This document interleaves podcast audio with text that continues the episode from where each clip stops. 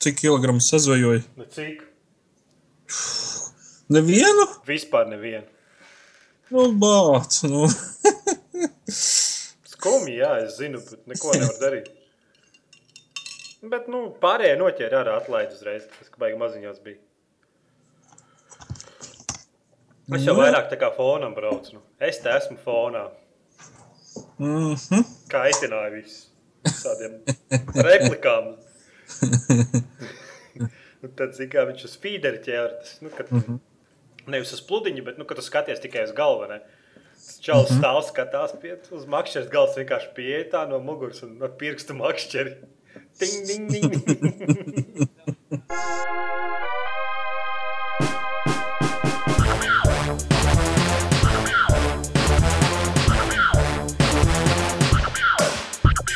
Sēstāt komūnu OCLV podkāstā numur paga. 74. 74, 74. Ar jums kopā Elvijas, Jānis, Edgars. Un es šodien airēju. Forši. Jā, bet es nemācīju airēt, es rītīgi izlojos. Vienu brīdi es apšakstīju savu komandas biedru laivā. Ko biedru. Kopa biedru, jā. Tad šodien bija makšķerēt, mēs izcēlām tīklus, un tur bija divas mazas ziltiņas, kuras mēs atlaidām, un tad mēs metām kukurūzu ūdenī pie āķa piesietu. Un tad visi pārējie noķēra, un es neko nenoķēru. Tā kā tā, Mm. viss šodien, viss prieki izstāstīt. Tagad jums kaut kas jāpastāsta. Kartupeļi nolasīti, kartupeļs ir zem jumta tagad. Jā. Jā. Jāpagaida divas nedēļas, kamēr varēs pārlasīt. Pagaidu, Es nezinu, vai tie ir prieki vai, vai kas, bet nu, vismaz nav vairs jālasa šogad. Viss kārtībā, čau. cik tev kilogrami tur ir.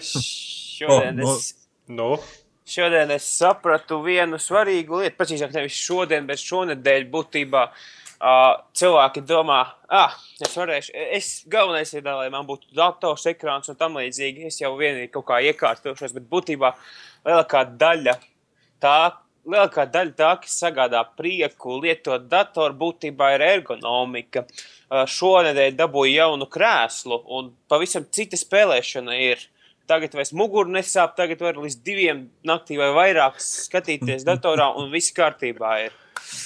Uh, tas kā bijis, kad nopirku sev jaunu krēslu. Man bija tā, ka es darbā sapņoju, ka es varētu aiziet mājās un viņā iesēsties, cik ērts viņš ir. Bet tagad viņā jau ir izsēdēta bedra, tā kā vairs nav tik tagad viņš ir tāds pats kā vecais. Bet man Ergonomika nekāda. Un tad, ne, vēl vien, bet- un tad vēl viena ļoti svarīga lieta ir, es uzliku monitoru augstāk, tā lai augšējais borders būtu acu līmenī. Uzliku dažas grāmatas apakšā, jo manam lētajam LG nav nekāda super 360 grozāmā pilota. Tā, es viņu uzliku uz divām grāmatām, diezgan biezām. Un, jā, tas nebija. Tas nebija Tas nebija tā kā piezīme par to, ka esmu kultūrāls cilvēks, kurš lasa grāmatas. Es domāju, ka pagaidi, nu, tu tev viņš Un- bedrē stāvēja, tā, vai uz maziņa galda. Man viņš bija diezgan skatos- zems. Man viņš bija diezgan zems. Man viņš stāvēja uz kaut kādas septiņas centimetrus gara pašitās te kājas. Un man viņš visu laiku uz leju bija jāskatās. tu kaut kā man tur galīgi ērti ne, izklausies, ka tu galīgi neērti tur sēdēji. Es nezinu, uz tādas solas pēc skolnieka, pēc skolnieka galda. Tev ir jo skolnieks mans- datorgalds, tas nu, tāds, kur tikai vienu monitoru var uzlikt un pilspauts. Es, ir. es parādīšu bildi jums. Es nezinu, kā skatītāji to var redzēt. Bet, nu, uh, nav diezgan slikti, bet nav arī pārāk labi, jo es būtībā diezgan nekomfortabli sēdēju. Bet vienīgais, pats galvenais, manuprāt, datora pareizā lietošanā ir tieši ergonomika un nevis pats dators. Nu, es, piemēram, uztaisīju, ka tev sev, sev jauno to leti galda vietā. Man bija tā, ka man bija jāiemācās pareizi sēdēt, jo es nepareizi sēdēju, man pilnīgi locītavs lauz ārā. Nu. Nu, tā, ka tev roka, zin kā, kaut kādā nepareizā leņķī visu laiku, kad spēlē. Izklausās pēc, pēc galda, kas domāts vairāk citām izpriecām. Sākās. ja locītājs lauž ārā un Nu, nu, tu turpini ēst savus hotdogus zem jā, galda. jā. Nu, ot tā. Nē, forši, ka labs gals, un kad viss ērti uztaisīts, tu pašu prieku sēdēt. Vienīgā problēma, tad grūtība no viņa izkāpt ārā, nu, ka kaut kas jādara. Ir. Paga, paga, paga, paga, galds, no kura izkāpt ārā. Nu, tāds, nu, es domāju, krēsls, gals un viss tas pasākums tāds. Ā, tā kā mašīna uztaisīta. Nē, es zinu, ka tā lētē, jā, bet kāpēc jāizkāp no tā visu pasākumu ārā? Nu, es jau speciāli novietoju sabuferu tā, lai es varu pagriezties un kājas uz viņu uzlikt virsū. Normāli. Un, un, un ieslēdzot kādu dubstepu, ir masāža. Mm -hmm. Vēl Ieslēdz Science Row 4 un nevajadzēs dubstep. Neko Elvijam tāds pasākums. Cik, dienu, cik dienas tev prasīs līdz tam brīdim, kad tavs krēsls sāks nežēlīgi čīkstēt? Viņš jau čīkst. Jau čīkst. Jo tas krāsas ir lietots būtībā. Mm. Tas jau Man arī vajag jaunu krēslu. Šitais jau izjāts tā, ka br- brīžiem liekas, ka tūlīt izjūgs. Es nezinu, man liekas, man vajag no darba paņemt solidolu un sasmērēt viņu savēju. Es nezinu, kas tur var čīkstēt, kas tur slēpjas tajā noslēpumā. Varbūt Vai... vajag. Varbūt drīz, ne, pagaidi, beidzam runāt. Drīz atnāks Magbetons un visiem pateiks īsti veči lieto Windows XP un sēž uz taburetes. Te neviens nezina, kas ir magnetons. Magnetons. vai uz, vai uz šitā te blu, bluķa? Lieto 3.11 un uz sēž uz bluķa. Cementa pakas. Vai uz cementa pakas, jā. Un darba redzēju, sēž. depo veikalās redzēju cementa paku ar nosaukumu ZB betonu. The best betons. Izlasi. CB. Oi. Nu. Jā. Galvenais, lai nav lievenītes, zin, lievenītes pie datora. Tā. Tu ķipa pagrab stāvā dators. Jā. vāc, jā? Sēž uz kāpnēm. Man vienmēr fascinē, kā viņi tur datorklubos dabūja tik ērtus datorgaldus un tik ērtus beņķus, tāpēc ka mājās nekad tāds salikums nesanāca. Un tad aizies kaut kādu klubu, un tur vien, vienmēr bija baigi ērti, varēja iesaisties. Nu, tad viņi jau speciāli tā dara, lai tu vairāk naudas patērētu tur. Tā kā, tā kā kazino, teiksim, izņem pūksteņus ārā. Nā, lai tu neredzi, cik laiks ir. Jā. Un Jā. aiztais logus cieti, lai tu neredz, kā tur tumšs vai gaišs ārā. Tas Oh, Vispār vēl aizvien, vēl aizvien naktis, varbūt no rīta vēl paspēšu mājās. Izej ārā, bļāč! jau trīs dienas pagājušas, darbā bija jābūt aizvakar. Kāds, kāds datorklubos ņēma naktis? Jums bija tādi pasākumi, ne? Vai neapmeklēja neviens tāds klubs? Nu, bija laiki, kad mēs pēc stundām gājām Counter-Strike spēlēt. Nu, bet tā jums nebija tāda iespēja, ja atnāca kaut kādos desmitos vakarā uz to klubu un tad samaksā trīs lati un visu nakti spēlē līdz septiņiem rītā. Nu, tur, Wow. kur es mācījos, tur tuvākajā datorklubā nebija tā. To jūs visu, visu bērnības palaiduši garām. Tur, kur es mācījos, A, mēs paši stiepām un- dators Jā. tūmā. Un, un, un, un pirmajā stāvā bija arī datorklubs, kas arī pa naktiem strādāja. Bet tu nekad negāji Varēja ņemt, varēja ņemt. Es laikam vienu reizi vienu nakti paņēmu, bet sapratu, ka es labāk gribu pagulēt. Jā, bet par datorklubiem runājot, tu- spēles ok, var būt, bet o, internetu gan es tur neiesaku lietot. Dievs vien zina, kas tur iekšā ir visādas lietas. Tripirā vai dipirā. A, Tagad vēl ir tādi, man liekas, tikai kaut kāda elika, ne? vai ja viņi vēl ir vispār. Tā liekas, Jā, man tā man liekas, vēl aizvien ir. kafejnīcas ziņas, palasīt vēl kaut ko. Vai tad? Jā. Nu, Agnes kanāla pele vēl aizvien ir, un Eļiks arī vēl Nu, aizvien. cilvēki ir. iet, tā kā, nu, visiem mobilie telefoni, tu jau vari iet internetā caur mobilo. Nu. Nu, visiem nav. Tas, ka mums Bet ir, tas nenozīmē, ka visiem ir. Tad Tur dom... aiziet vecās omītes, paskatās. Ir jau cilvēki, kuriem pirmkārt viņi ne tikai ļauj sēdēt internetā vai spēlēt spēles, bet arī izdrukāt dokumentus, un tas ir ļoti svarīgi kā daudziem op- cilvēkiem. Jā, Tāpat arī ir cilvēki, kuri datoru lieto tikai kādu brīdi, teiksim, dēls nolū- palūdz aizsūtīt e-pastu, nu, aiziet uz centru un aizsūt to izdarīt, un tam līdzīgi. Skaidrs. Nu, jā. Tā ir. Es domāju, kaut ko. Un ir jau arī vesela tā kā kontingents ar urlām. Nu, Kuriem nav aiziet ar datoru? savām s- semučkām. Viņiem tikai ir semuškas, viņi aiziet. Un varbūt tās eh, 5, 50 centīmi. Lūdzu, 20, lūdzu 200 minūtes, es jums dodu 200 gramu semačku. Semučkām. eh, Nē, es atceros, ka mēs gājām pa Tā kā. Falloutā maksā, tagad uh, Falloutā maksā ar pudeļu korķiem, Latvijas Falloutā maksās ar semačkām. Jā, apmēram tā. Tas, ka mēs gājām pa naktīm spēlēt tos kontrastrēkus, tur ultimas online, viss tāds liekas, un tu no rīta vienkārši zombijas sarkans acis visiem. Zini, kā tur jau apgaismojums nav labs, un tad sēdi, un tur ir monitori, visi, zini, tie vecie, tie kineskopi. Ar izliektiem. Vienkārši. Lielā daļā no šiem datoru centriem tiek Kines CRT monitori bija diezgan nepareizā frekvencē, un tā kā CRT monitors ir nepareizā frekvencē, tad dēļ tā vesela paudze ar brillēm ir būtībā. Nu, droši, Nu, tur, tas viss, tur viss bija nepareizi. Es uzreiz Tad jūtu, es ja ir krāslu gan 60 ērti. Hz. Ja ir 60 Hz, es uzreiz eh, nevaru uz to monitoru pilnīgi paskatīties. Es uz visu uh, redzu, man ir ļoti ideāli vispārējais, bet, ja ir 60 Hz, man uzreiz sāp acis. Metiet ārā to nafiku monitoru. Kāds jau lieto tos rupi sakot, zalu? Un kur var būt tās? Nu, jā, būtībā jā. Pirmkārt, o, viņiem ir mazāks input loks, un tāpat arī viņiem ir tā kā plūdenāk, tā kā augstāka frekvence. Daudz spēja vairāk nekā 120 parādīt, 120 mm -hmm. Hz, un to lieto visi MLG pro noskopu gameri. Tiešām? Nu, daudz, jā. Nu, nevis visi, kā es teicu pirms tam, bet daudzi. Nē, es zinu, ka tas Call of Duty uz Xbox spēlē. Nu, tu- Anglijā, un viņi tur bija vien, liels tāds televizors, bet viņš vecs kinesko bija. Nu, input laks ir vienkārši pilnīgi, pilnīgi nu, nesalīdzināmas lietas caur analogiem kabeļiem un caur digitālo HDMI signālu. Pilnīgi tā kā dažādas spēles tu spēlētu. Cik daudzkārt vieglāk ir responsīvāks tās kontrols. Ir. Bet es nezinu, vai būtu jēga mocīt sevi ar tādiem monitoriem tikai dēļ Jā. input laga.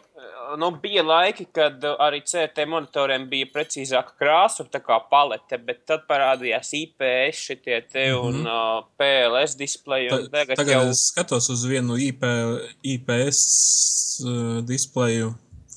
Nomainīt tagadējo, lai būtu man HDMI un es vienkārši līdz aizvien dzīvoju uz LG monitora TN matricu. Es, man acis izdeg, bet es pats cieši tāpēc, ka man to monitoru LG uzdāvināja. Nu, tā, tāpēc, ka te- te- te- tev patīk mm, rotaļāties ar savām spējām. Dievs. Tev nav tā, ka tu spēlē Battlefield un tev vienkārši melni kvadrāti visur sako līdzi, ka krāsas nomainās tur pa 20 minūtēm. Nezinu. Vai nav tik kvadrāti man rādās tad, kad es sapīpējos zāli. Ew, Mēs narkotikas nelietojam. A, kā tev, kā tev viss skatu leņķis? Nav tā, ka tev kaut kādā konkrētā pozīcijā jāsēž, lai redzētu vispār kaut ko. Nu, var pie visa pierast. Var pierast Jā. Arī pie sistemātiskas šaušanas ar MP40, tev gāžoties pa kāpnēm. Mm. Tas nenozīmē, ka tas ir liekas- labi. es, eh, es, es pateikšu vēl vienu piemēru. Var pierast vienreiz arī nu, ķipā ar virvi ap kaklu. Vienreiz tikai var pierast. Tad tu visu atlikušo dzīvi var tā dzīvot.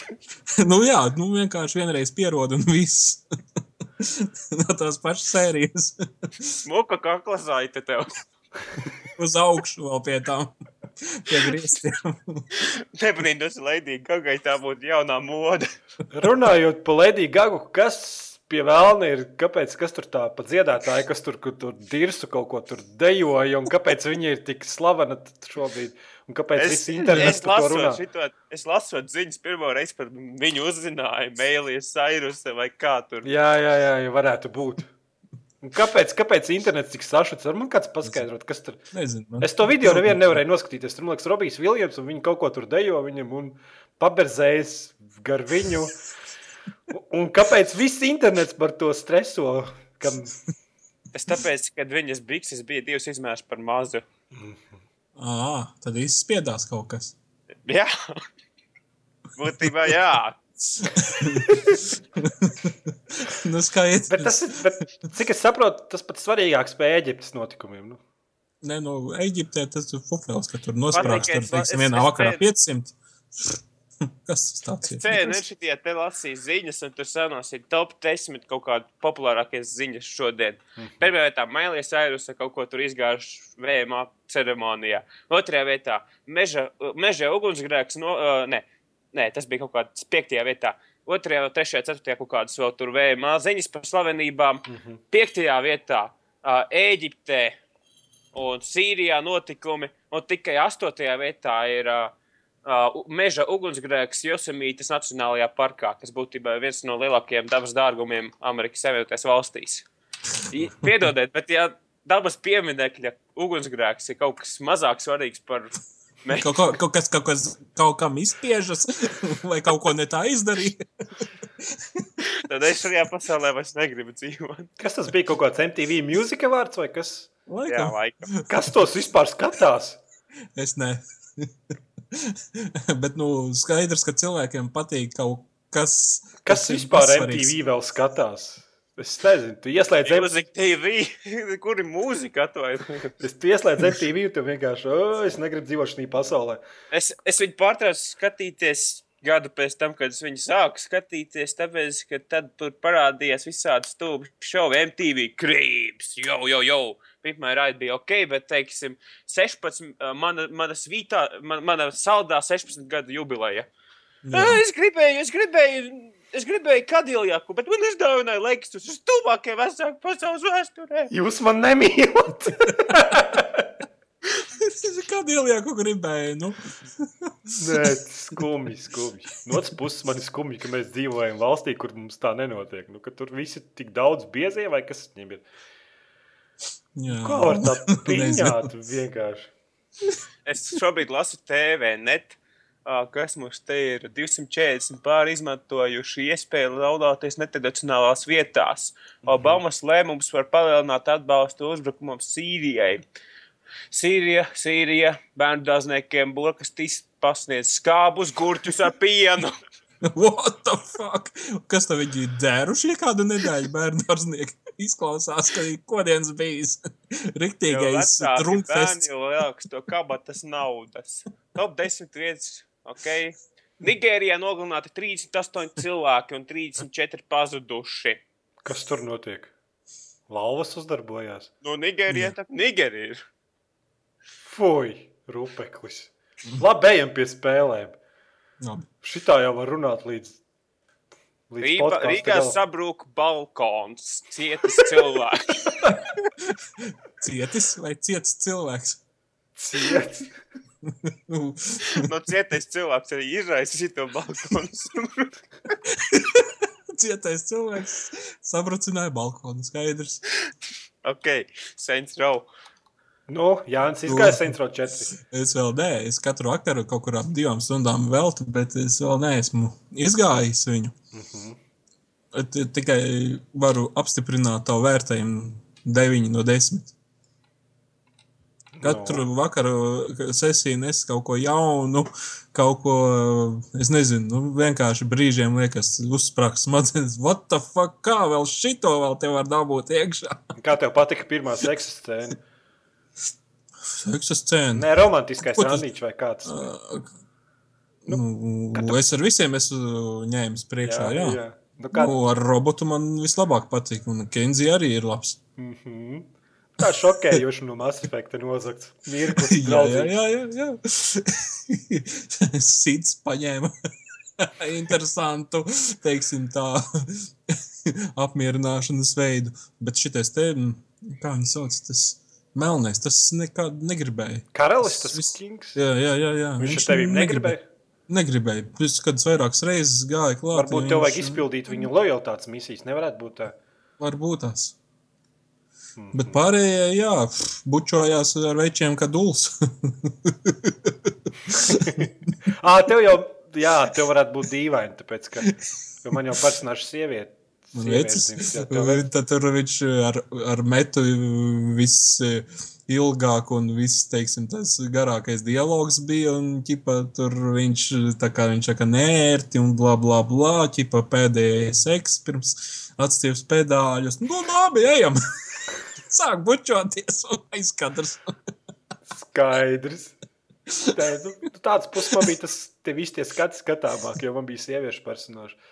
Nu, jā, Akenzija iedod pa, pa muti un davai, uzreiz drāten. Nu, cik jūs No tālu, tās- cik jūs tālu tad viens pātē režīmā esat tikuši? Kā viens spēlē. Mēs kopējam. Nu, jā, kooperā. Nu, tik stāsta režīmā. Es domāju, nevis saiti, ko es to Asta režīmā. Paga, kur vakar mēs sēdējām galvenos, gājām paga, paga, paga, tūlītās jāpadomā. Mm, Mm. bijām, bet tas bija tālāk. Jā, jā. Neatcerēsies, to skatos, ka tev tā kā zelta zīltiņai 11 sekundes. Tāds, nu, blīn, nevar atcerēties, kurā vietā apstājāmies. Jo gan, gan meinu, gan saidus gājām veselu Mhm. kaudzi. Nu, bet kā tev kombuds? Man, man vienīgais tāds lielais mīnus bija tas, ka nu, pretinieki vienkārši tik nežēlīgi. Kompots? Nu, kompots, jā. Kombats. Nu, Kombats normāls, nu, Man liekas, ka spēles vidū vienkārši, ka tu visus vienkārši iznīcini. Viņi vairāk tā kā traucē. Nu. Nu, jā, nu, mēs vienkārši Es bijām domāju, tā ka jūs misija. divatā, ka jūs divatā, man liekas, jums vispār divreiz vieglāk visu nošaut. Misija, kur bija ķipa, simulācija tajā baznīcā. Ar mm. -hmm. bitām mēs tur tos bandas vienkārši iznesām. Nu, Jā, tāpēc, Nu, es tur tās bandas no visām pusēm nāca un nāca un nāca. Es nezinu, liekas, nu, vienkārši izīmots bija. Jā, Nu, bet jūs esat normāli spēlēt. Es ne- gribēju jā pamēģināt, uz normu. es gribēju pamēģināt uz hārdu, bet man liekas, tik un tā tā spēle būtu pārāk viegla. Uz normu. Tu vēl neesi dabūjis to iespēju, ka tu vari kļūt par atombumbu. Tāks atombumba. Nu, Laikam, ka nē. es negribu, es negribu to ne. visu labi, es nespoilošu. nē. Tur būtībā Bet, eh, vienā brīdī tu paliec tik spēcīgs, ka tu vienkārši iznīcini veselu rajonu. Vienā vienkārši vienā piegājienā. Nu, jā, tas, es nezinu, tas varbūt tās maihēmos ir ļoti labi, teiksim, nu, ka tur vajag salasīt kaut kādu zelta, tos tur. Jā, jā, nu, man ir. Man, Tad, tad viņš ir ļoti labi. Nu, pagaidām man, man visi šie speciāli ir, bet viņiem, teiksim, lielai daļai vēl trūkst kaut kāds ceturtais upgrades vai kaut kas tāds. Nu, tur jāpild viss. Jūs, jūs Jā, jā, mēs visu ejam, mēs visu, visu ejam, pilnīgi iespējamo, ka, ko mums sniedz, tāpēc arī, nu, kaut kādi 70% ir no spēles iziet. Ah, tev rādās, ka tu sasēvojies. Jā, jā, jā, jā, jā kaut kādi jā. 70% no spēles ir iziet. Es nezinu, tā spēle ir vienkārši jautra. Man viņa patīk spēlēt. Vienkārši Tas rokam. spēlē, tev jautri. Vienkārši tagad palākāšu pa jumtiem, pavākšu tos Jā. zilos sūdiņus, un tas tik un tā ir jautri. Jā. Man vienīgais no speciāliem, kas traucē, zini, kad nu, vienkārši paliecies gaisā un sāc lidot, un tev priekšā kaut kāds kā aizsēdz nedaudz skatu. Kā, nu, es nezinu, kaut kādam sprintam laikam nāca tāds abilitīs klāt. Kā skatu aizsardz. Nu, tāds, nu, tā kā uzņemt to ātrumu. Jā. Nu, gaiss tāds necaurspīdīgs paliek. Ah, tas vairogs ir, kurš Nu, kā raķetes. vairogs, Jā, jā, jā, jā, jā. Tas tā kā bišķi traucējoši ir. Atslēgt viņu stulbi, ka nevar atslēgt. Jā. Jā, man arī dažas reizes gribējās, kur bija jāpild tās misijas, kur bija jālēkā pa tādiem apaļiem. Un Mhm. Man gribējās atslēgt, ka iespēja planēt. Jo likās, ka bez planēšanas būtu vieglāk to visu. Jā, jā, jā. Ir tā būtu vienkārši perfekti, ja varētu atķeksēt, izsēkt ārā nevajadzīgās lietas. Tad būtu vienkārši perfekta. Vienkārši pirms kaut kādiem vajadzīgām misijām tu viņus atķeksē iekšā. Ja tev tur vajag tur kaut kādas, nezinu, to vairogu vai vēl kaut kādu iznīcinošo atombumbas efektu vai vēl kaut ko, vēl kaut ko.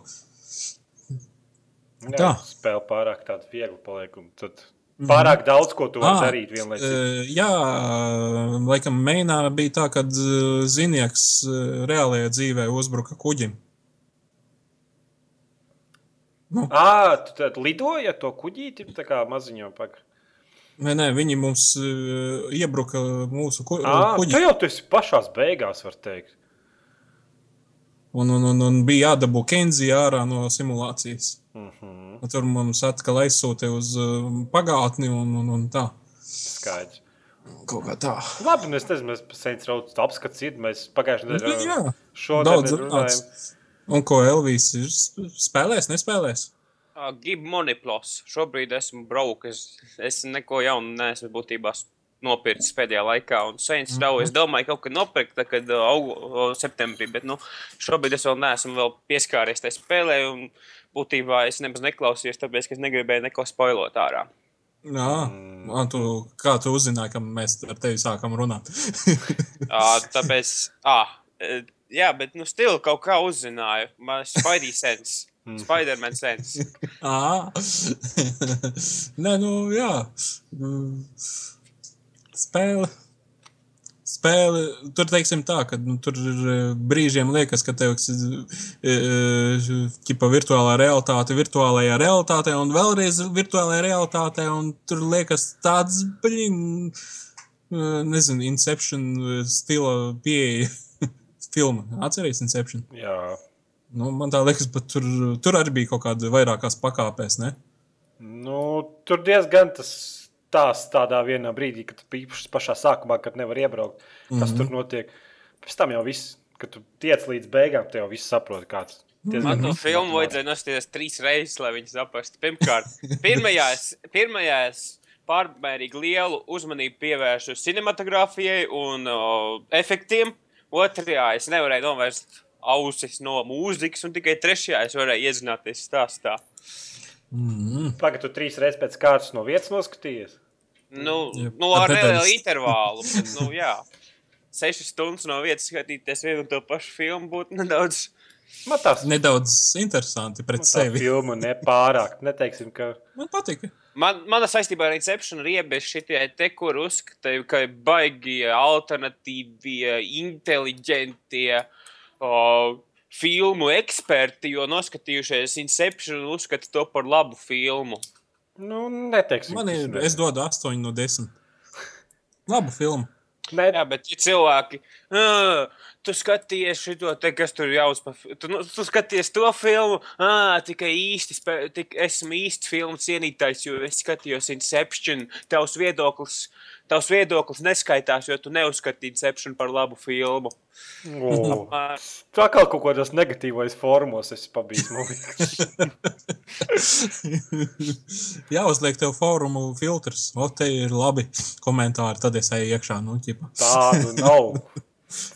Pašam, pašam solo, solo fórums, kur viens pats ar sevi runājies jā, jā. ar kaut kādiem pieciem useriem un tikai, un tikai pozitīvi. un citi nāks un skatīsies. Nevar ķipa pieregistrēties un skatās, kā te forši nu, jā, ar ielūgumiem, tā kā draugiem vēl vai. nu, pēc tavas loģikas, Ziemeļkoreja arī pozitīva valsts, ja tur zināt tikai pozitīvas ziņas no Kim Čenuna. Nē, nu jā. nu, ā, re, redzējāt ziņu, kad Kim Čenuna draudzeni nošāva? Nopietni. Jā. Nevis greizsirdība, bet nu, bijušo draugu. Bijušo draugu dēļ tā, ka e, viņa bija izplatījusi kaut kādu seksuālo vai pornogrāfiskus materiālus, un tas skaitās kā baigais noziegums, un viņi nošāva. Tas un, un, noziegums būtībā jebkurā valstī tehniski. Uh, bet nu, tur paņēma vienkārši nošāva, nu, ķipa nāves sots ar nošaušanu, un vēl ģimene dabūna cietumsodu par to, kad oh. ķipa līdzinātāji. Forši. nu, nopietni. Tas šonadēļ kaut kur šāda ziņas manī. Superīga valsts. Es... Jā, vai braucam? Ar... Nikni. Tur runājot par braukšanu, kā Twisted Metal ir. Cik labs viņš Twist... ir. Cik Twisted Metal? Cik smooth transition. Mēs esam tiešām liels, ka rādījāt cilvēki. Nu, Twisted Metals ir labs tādā ziņā, ka beidzot viņš ir tomēr arī parādījies uz Playstation 3 Paga, platformas. Viņš jau, viņš jau sen bija, tā kā, nezinu, gadu nebija, apakaļ. Nebija, nebija, nē, nu jā, viņš ir Teiksim, Viņš jau ir ekskluzīvs Playstation 3 spēlē. Jā, jā, jā. jā. Nu, jā. Kā, kāpēc es saku, ka viņi tikai tagad parādījusies? Kā... Nu, uz Playstation 3, bet viņa visi priekšgājēji bija uz Playstation 1 un 2. Nu jā, tas tā kā rebūts jaunākā spēlē. Jā, jā, jā re, uztaisīts rebūts. Cik viņi nu, tuvu ir oriģinālajiem?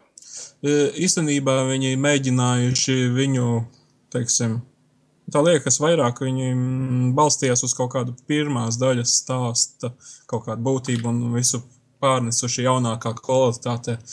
Bet e, līdz ar to mm, e, viņi arī pieskārās tādai lietai, ka nu, mūsdienās saprot, ka mm, visu cilvēkiem patīk viegli un tā tālāk darīt.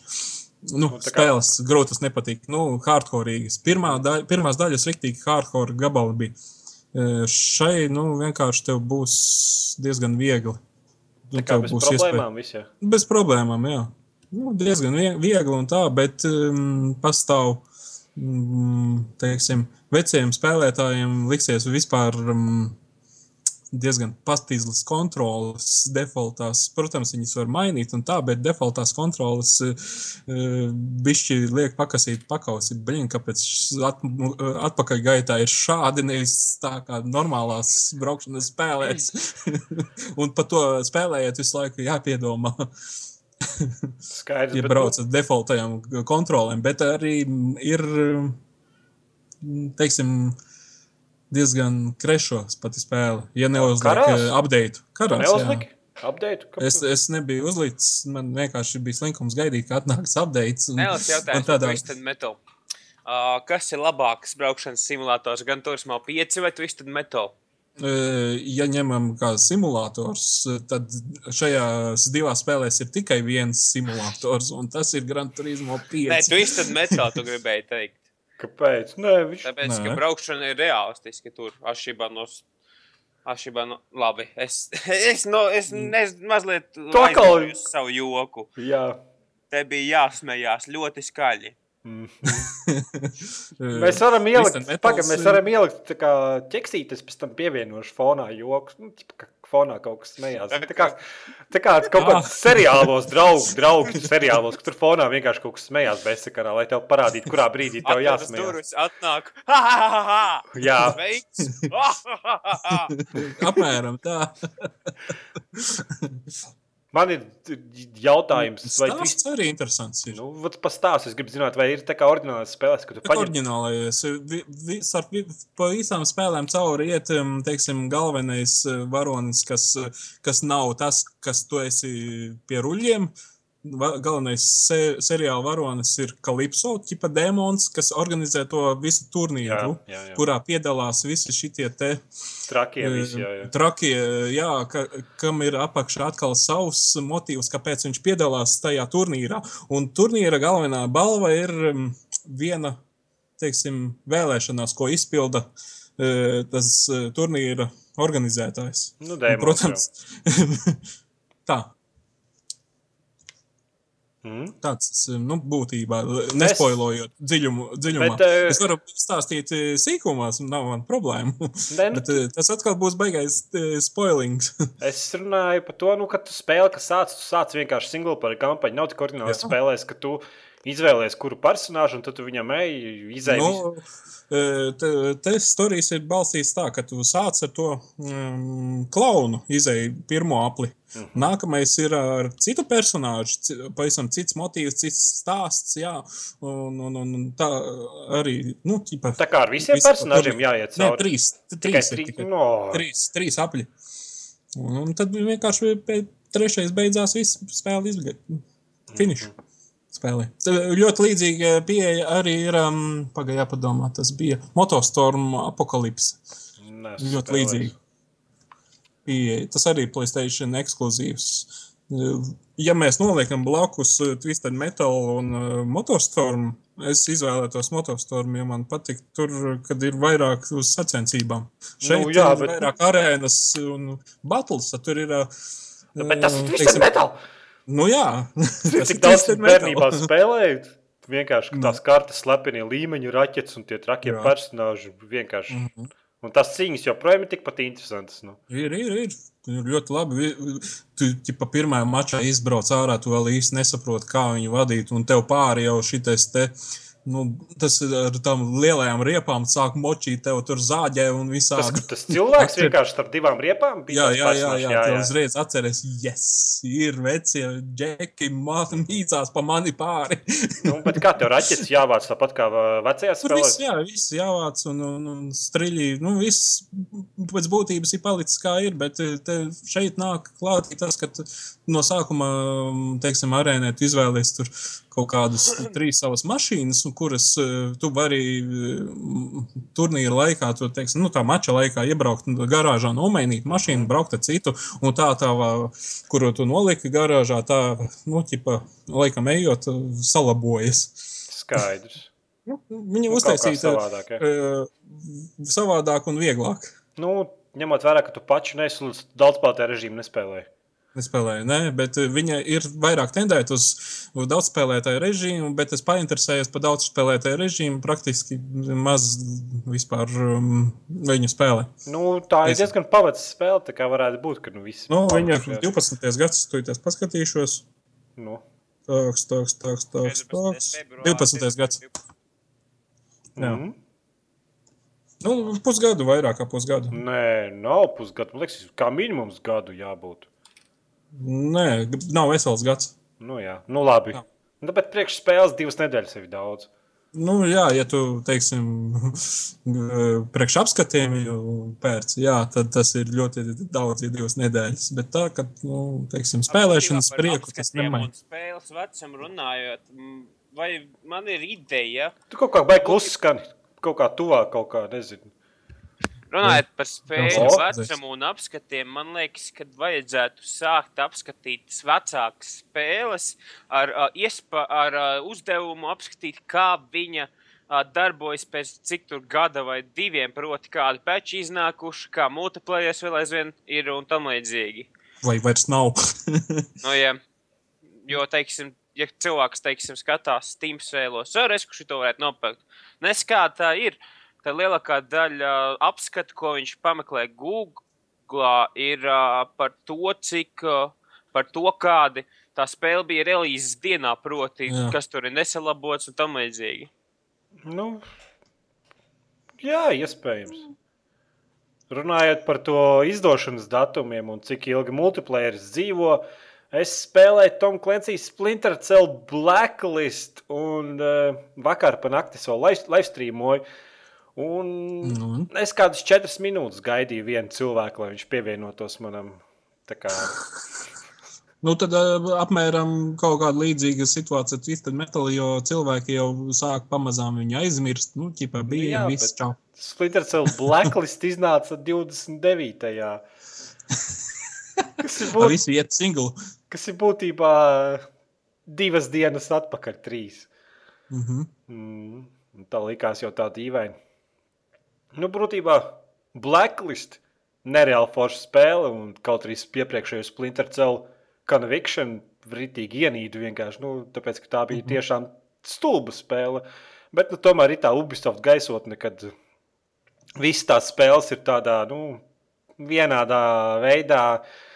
Es pat uh, teiktu, ka Splinter Cell Blacklistā varētu to galveno to tā kā ēku, nē, bet tas ir lidmašīna milzīga, kurā viss tas notiek. Tā kā tas centrs saziņas, kur viss sanāk kopā un izlemj kādu nākošo misiju darīt, aizvietot ar Assassin's Creed animusu.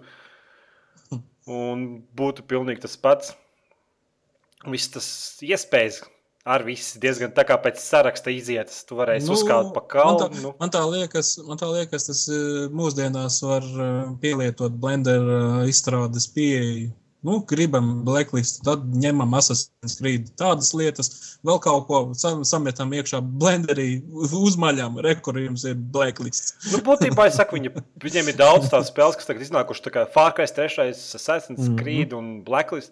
Un ka viņiem ir, man liekas, vienkārši oficiāls uz sienas vienam ir saraksts, kādas, Mhm. kādas features jābūt šī spēlē. Un tagad mēs nosūtām visas tās features uz, uz 35 Mhm. Ubisoft studijām, un tad viņi atsūta atpakaļ, un tad kaut kādā veidā to visu ar skoču salīmē kopā. Un ņemiet, tad ir jā- rekurījums ir, Spēlē satura daudzums ir liels, un viņš ir labs. Nu, tur ir labi. Tas ir, jā, bet nu, vienīgi pietrūkst tāda, zinu, nu, uh, nav sajūta, ka tur tam visam galā ir viens cilvēks, kuram bija tāds kopējs mērķis, ko viņš grib ar to spēli panākt, un kaut kādas features un ielas, bet tiešām nu, tāda sajūta, ka tabulā čekšus atzīmēm, lai viss tas būtu. Bet nē, jautājums ir tāds. Es esmu liels oriģinālā Splinter Cell cienītājs, un jautājums ir tāds. Ja Splinter Cellā tavs mēģis bija kļūt nepamanāmam, un, ja tikko kā tevi pamanīja, būtībā misija tev bija jāsāk jau jaunu, jo tad jau vēlāk bija mēģinājums, tad jau, nu, būtībā viss bija izgājies. Jautājums ir tāds. Vai šī spēle drīzāk uz oriģinālā Splinter Cell virzienu vai uz Double Agent un kas tur vēl, kas Nu, nu, tur nākamā? Man ir jautājums, ir. Man ir- action, šaušana un tam jā, man ir jautājums tev, kā tu domā?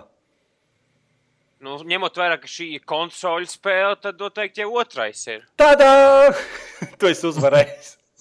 nē, nē, es spēlēju uz grūtības pakāpi realisms, kas ir eh, būtībā tev ar divām, trim lodēm nošaukt. Un man tiešām patīk tas grūtības pakāpe. Ne, nekādā gadījumā nestī, nes, nespēlēt kaut kādu īziju vai normālu. Mēģiniet pašu grūtāko būs, paņemt. vai Jā. Un tad ir tā, ka, jā, ja tev trāpa, protams, tev ir tās dzīvības, ka tu vari atsēties aizies kastes kaut kādu minūti pasēdēt. Nav tā kā Call of Duty, ka tur 6 sekundes tev ir pilnas dzīves. Bet tu kaut kādu minūti pasēdies, kas tev reģenerē dzīvības. Bet, eh, jā, es spēlēju manu divām, trim lodēm. Tu esi beigts un katrai tai kā, istabai, kas ir vairāk kā sandbox. Nu, man patīk mm -hmm. tie elements, ka nu, katrs līmenis vai ne, ir sandbox. Un pats interesantākais, ka nav, ka tie cilvēki katru reizi, kad tu sāc to istabu, ļoti daudz cilvēku kustās pilnīgi citādā veidā. Viņi nav kā, viņiem nav tie laikam saskriptoti tie kustību maršruti, bet būtībā vienreiz tu sāc istabu, viņi iet pa labi, citreiz sāc istabu, viņi iet pa kreisi. Un tā kā tev visu laiku kā jāuzmanās un jābūt, jābūt ir tā kā, nezinu, jāpārzina viss. Tu nevari skriet, tev jāskatās, kur tie cilvēki, ko viņi darīs, un jāslēpjas. Un, kad tu spēlē līdzēji, ir tu saņem reitingu par to, cik labi tu esi pabeidzis līmeni. Un viens ir Tas ir ļoti līdzīgi kaut, kaut kādam šitam te SWAT spēlē. Es esmu spēlējis.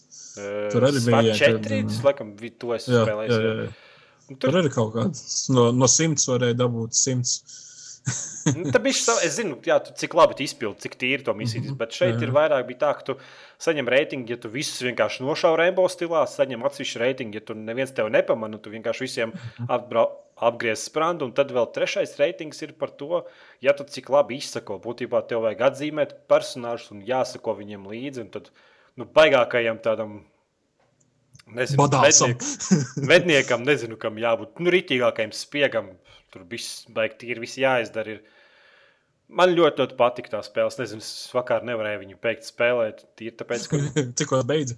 nu, es, viņu- es viņu izgāju vienā dienā, kas lika, un uz, ņemot vērā, ka diezgan grūti Nu, pakāpēt. nu, nu, tad es nezinu, tad es apšaubu par spēles uh, satura daudzumu. Uh, nu, jā, bet es gāju viens cik es klausos, man tas, tas tēls izklausās pēc tā, kas tur bija Deus Ex Human Revolution. Nu, arī man tāda aizdoma, ka tas Nu, pirmkārt, ir cits balss aktieris. Nav vairs Sema Fischeram tas pats. Viņš arī izskatās bijis savādāks pēc sejas. Un, mm -hmm. nu, tas tad, laikam skaitās tā kā rebūts viņa to veco. Nogalināja. Nu, nezinu, ko ar viņu viņi izdarīja. Kaut ko viņam izdarīja. Ņemot vērā, kas tagad notiek Amerikā, viņš noteikti tagad skaitās kā terorists un tagad meklē, pas, meklē pa, pa, tagad viņš ir uh, Guantanamo. Nu, jā, tur ir arī līmenis Guantanamo. Nu, jā, nu, pēc spēles stāsts ir vienkārši banāls. Teno, teroristi ir personāžs, kurš joko, ir personāžs, kurš ir visu laiku negatīvs un saka, ka tu nepareizi dari. Un ir personāžs, kurš visiem piekrīt. un Tad viens no personāžiem noteikti ka nomirs. un Es neteikšu, kurš. Var, Suns. labi, ka tur ir suņi. Ah, jā, spēlē ir arī suņi, kas ir pats kaitinošākais. Jo, ja tev nav apgraidots ierocis, tad suni nemaz nevar nošaut ar divām, trim lodēm galvā. Bet tev viņam vienkārši veseli aptverts jānoja, jāielādē, kas likās diezgan jocīgi. Bet, nu, spēlē forši tas, ka stealth mehānisms ir tāds, ka ir ļoti izdevīgi tev iet visus nogalināt uh, ar stealth režīmā. Un, ja tu tomēr tevi pamana, tu, tu vari izdzīvot. Bet lielākoties, kad es spēlēju ar to realismu grūtības pakāpi, var, lielākoties es nekad neizdzīvoju. Tā kā diezgan bija jāpacenšas, lai to neviens nepamanītu. Nu, viss kontrols un viss patīkams. Nu. Runājot par to sarežģītību, kāpēc spēles mūsdienās patiešām vairs nav tādas, teiksim, sarežģītas, teiksim, tādas sarežģītas, bet tādā veidā, ka tev tas patīk un tu vēlies. Uh, sarežģīts Mm. tā, ka tas pieprasa tev domāt, kā to darīt, nevis vienkārši mest Jā. gaļu pret lielgabaliem. Es atceros, ka Dark pats- Souls, teiksim, reklamēja, šī ir sarežģītākā spēle ever. Tu mirsti sākumā jau uzreiz pirmajās desmit minūtēs, pirmajās desmit sekundēs. Mm -hmm. Mm. Man tas nav, man tas neliekas interesanti. Šīs spēles gimiks ir būt sarežģītai, bet sarežģīti tāpēc, ka vienkārši enemijam ir uh, simts reizes lielāka statistika nekā tev. Nevis tāpēc, ka tev būtu jādomā, ko darīt un kā izvairīties labāk no viņa. Nu, Dark Souls bija tā, ka tev bija mehānikas jāpārzina. Tas, nu, komandas, mm -hmm. piemēram, ka tu, Viņi diezgan, diezgan tīzlas viņas bija. Nu, jā, no piemēram, kad tu uztaisīji animāciju, kad tu siti cirvi, tu viņu nevari vidus apstādināt. Tu sitīs līdz galam, ja tu to neizdari pareizā brīdī, tad arī nu, nekas nesanāks. Runājot par grūtības pakāpi, Blacklistā ir problēma tāda, ka tur ir šis uh, nosaukums grūtības pakāpei realisms, bet uh, Reālismā tu neapsēdīsies aiz kavara un tev nereģenerēsies veselība Nu, tur. jā, bet nu, tie pretinieki ir nu, pro- diezgan padomji, un tur nekas netuvu nav realismam. Tur ik pa brīžam sa- saķer galvu un domā, what the fuck. Un otra problēma ir tāda, ka spēlē ar tādu grūtības pakāpi. Viņai jābūt ir perfektām uh, kontrolēm un bez bagiem, un blacklistā diemžēl tā nav. Un es, piemēram, Tās kontrols bija diezgan kontroliskas, proti, Nu, jā, jā, tur ir tā, ka viņš pielīp pie sienas, ka tu negribi, un tā viņš neatlīp no sienas, un tā viņš pēkšņi nevar šaut. runājot par priekš- konsolēm, tai Nu. spēlē bija tādas iespējas kā FOV sliders un tam līdzīgi. Mm, es tiemžēl nepaskatījos, es nezinu. Ja vienkārši Es par bija pirms- PC versiju pēc tam pastāstīšu, kā ir ar Uplay, bet nu, sākumā par to spēli vairāk. Nu, būtībā es biju misija, kur man jā, jānošauj ļoti daudz cilvēku, un tur ļoti daudz viņi nāk tā kā nelieliem viļņiem. Un es visus pilnīgi novācu no muguras. Nu, viņi man pat nepamanīja. Es vienkārši pieskanu pārlaužu sprandu un aizskanu pie nākošā. To es darīju kaut kādas minūtes, desmit. Un tad pēdējie trīs cilvēki bija, un es pieskrēju pie viņiem klāt, un man pēkšņi nenostrādāja šī funkcija pārlaust kaklu. Nu, būtībā vienkārši poga ne, neparādījās. Un es vienkārši panikā spaidu to pogu, un viņš neko nedara. Un mani uzreiz vienkārši pagriezās čalis ar divām lodēm nošāva, un tad es vienkārši nospļāvos. Un likās, ka jāsamazina grūtības pakāpe. Bet, Nu, ik pa laikam arī Sainsrava kopā vismaz novērojam tā, ka ik pa brīdim kāda misija salūst un tad nākas kaut kāda no checkpointa iet. Jā, nu, ja tu spēlē spēli ļoti augstā grūtības pakāpē, kad spēle salūst kaut kādā veidā, tas nejūtas godīgi. Nu, tas, tas jūtas tā kā nu, tu tiec apkrāpts. Nu, ja spēle ir grūta, tad viņai jābūt perfektai. Es domāju, ka mūsdienās ar mūsdienu plašajām spēļu mehānikām, kas mūsdienās sastopams, nu, ko tu tik vien nevar darīt, to ir pārāk grūti panākt, lai tas justos mm -hmm. godīgi pret tevīm. Nu, un runājot par PC versiju, pirmkārt, Uplay ir fucking lielisks servis, kuru vajadzētu ar likumu aizliegt. Jo, lai, Tāpat tās, kā, es nezinu, Wi- Windows Live. Ja? nu, Windows Live ir aizslēgts, paldies Dievam. Nu, ja. Uh, pirmkārt, man Pagaidiet, Juplē, tu to saki labā vai sliktā nozīmē? nu, pirmkārt, likumu aizliegt. ar likumu aizliegt. Uplay. tad, tad ir skaidrs, kādā nozīmē. Pirmkārt, es Splinter Cell Blacklist eh, lejuplādēju vismaz divas dienas. Man tas prasīja, kas man Fui, likās, likās vienkārši fantastiski ar ātrāko laikam internetu, kas lat, kāds Latvijā ir pieejams. Uh, vienu brīdi tur bija kaut kāda 60 kB sekundē. Nu, A, viņiem pašiem ir savs klients ir vai tikai atslēgas viņi pārdod? nē, nē, viņiem ir klients. Nu, saņem... Ak, Dievs, es jau gribēju viņiem Battlefield 4 nopirkt. Viss paldies, nav pa vendam Kā trēt. tu? Pagaid, pagaid, pagaid, pagaid. Paga. Tu nejauc uh, Uplay ro ar Uplay. Ā, Juplē, o, ā, ā. Origin. Jā, Origin, Uplay, Steam. Jā, Steam. Man liekas, ka tu runā par Juplē, nevis Juplē. Nu, labi. Nu, diezgan, jā, nu, tas ir Ubisoft, Origin, Steam Ubisoft. Ubisoft. alternatīva. A, nu, jā, es, es tur Far Cry gribēju novilkt, bet tad sapratu, es labāk vienkārši to spēli nopiratēšu. nu, fuj, preteklis. Nē, Bet, es domāju, eh, man tā spēle piratēt ir daudz labāk. Es... Nē, es, viņ- man tā spēle bija nopirkta, un tad sapratu, un es gribēju viņu lejuplādēt no Juplē, bet tad sapratu, ka tā ir pilnīgākā huņa.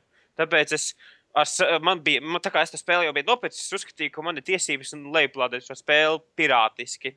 Nē, tev nav tiesības, bet, nu, labi. Ja tev labāk patīk, tad jā. Man arī viņa nopirkta, bet uh, Far Cry 3. Bet, uh, nu, diskā ir to. Bet es, man vienkārši rokas neceļās to Uplay darbināt. Nu, jā, ņemiet. kaut ko Nu, darīt. sali- vienkārši salīdzinām ar Steam. Pirmkārt, tas spēle man jāvelk bija divas dienas.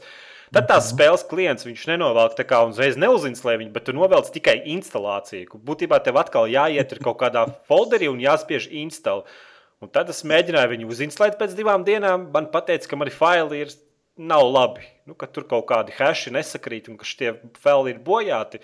Un tam man prasīja vēl trīs stundas, lai dabūtu tos failus pie dzīvības. Tur vismaz paldies, ka, paldies, ka viņiem bija tāds režīms, ka tu varēji pārbaudīt failus, vai viņi ir derīgi. Un tad es sāku spēlēt, un es jocīgā kārtā nu, liktos, nu, jūplēs, nu, tā kā moderns, vajadzētu servis, nu, tā kā visam automātiski instalēties, nu, bet nē, un tad beigās man iznāk paziņojums, aizēju no tās mājaslapas novelc paču. Ziniet, tā kā old schoolā, ka tev jāiet oficiālā izstrādātāja mājaslapā, un Nu, jāmeklē pači, un tad tu viņu novelc, un tad tu viņu pats instalē virsū, tur next, next, next, un, un vienkārši likās, fuck, kāds vispār Nu, ir iespējams 13. gadā. Jā, bet lieta tāda, ka uh, man Microsoft iedeva dažus Microsoft punktus. Kopā ar Xbox izdomāju, nu, tā kā es nespēlēju daudz uz Xbox, es, nu, leipla, es iztēršu tos punktus tam, lai spēlētu nu, kaut ko no Games for Windows Live. Mm -hmm. Es nopirku Biošoku un Biošoku divi. Lieta tāda, es, vēl, es novelku to viņu stuvo klientu, kurš par laivi tiks drīz aizslēgts. Viss, paldies lieliski, bet Nē, viņš jau ir aizslēgts. Viņš tagad kā iesaldētā režīmā. es novelku klientu no tās, tās uh, uh, es tā kā spiežu instalēt Biošoku. Lejuplādē man tur uzlieku, uzlieku pa nakti lādēties. No rīta pamostos. Uh, installation has failed. Es skatos, kas pie vēlna. Uh, izrādās, ka. Ja, nu, es jau biju. Izrādās, ka nu, diskā vietas nepietiek. Mm -hmm. Es skatos, esmu uzlicis uz savu D-diska, kuras instalēju spēles, un tur apmēram 20 gigabaiti ir vietas. Nu, spēlē nevajadzētu vairāk aizņemt. Uh, nu, spiežu vēlreiz, pārbaudu, pārbaudu settingus, instalēju. Nē, pēdējā installation has failed. Mm -hmm. Uh, tam līdzīgi. Uh, jā, es, tad uh, es iztīru, nu, atinstalēju dažas spēles, kuras es nespēlēju, Skyrim, kas tur vēl. Uh, nu, tagad man jau tur ir kāda 40 gigabaita vietas. Vēl aizvien neatrod vietas. Izrādās, ka viņš C-diskā instalēja vienalga, kaut es biju uzlicis D-disku. Nu, forši, nu. Seksī, seksī. SSD, manā SSD diskā gribēja instalēt biošoku. Nu, jā, Nu, jā. tāds, bet pati spēle izskatās grafiski diezgan forši. Man patīk, nu, detalizēti. Nu, Ubisofts tomēr, atvainojos, tur daudz studijas viņiem strādā. Viņi saliek tur daudz visādas mantiņas un kreisliņas, un visi tie līmeņi ir tādi, ka, ka tu tā kā spiegs jūties. Un, protams, ir nākus mehānika no Assassin's Creed, un, kad, piemēram, čaus skrien man pakaļ pa trepēm. Es uz galda uzlecu uz margām, uz augšu, un no muguras viņam tā kā atnāku. Tā kā Assassin's Creed. Jā, viens, jā ne? dru, nu, tur bija tāds viens diezgan smags līmenis, ka tur bija vienkārši liela māja. Tā tāda pagalma un viss. Nu, Es atceros, uh, pirmo Assassin's Creed, kas spēlēja tur uh, pilsētiņā, bija žoks. Un uz viņa es uzlieku tā kā krauklis. Un tur arī var tā uz nelielu žogu uzlikt un sēdēt. Tā nē, kā viņš, man liekas, nes, viņš nē, sēdēt nevar. Tas tā nav. Viņš vienkārši var pievilkties kaut kā karāties. Bet tu tiešām, bet tu tiešām jūties brīžos, ka tu esi spiegs, ka tu, nu, tu tev, piemēram, zenās pretinieks pakaļ, tu vienkārši hops aiz margas, nolec lejā un tu, nu, pieķeries un turies. Viņš paskrien garām vai skrienot garām, tu vienkārši viņu ievelc, ievelc sev iekšā. Tā kā no, no tilta viņu nomet lejā.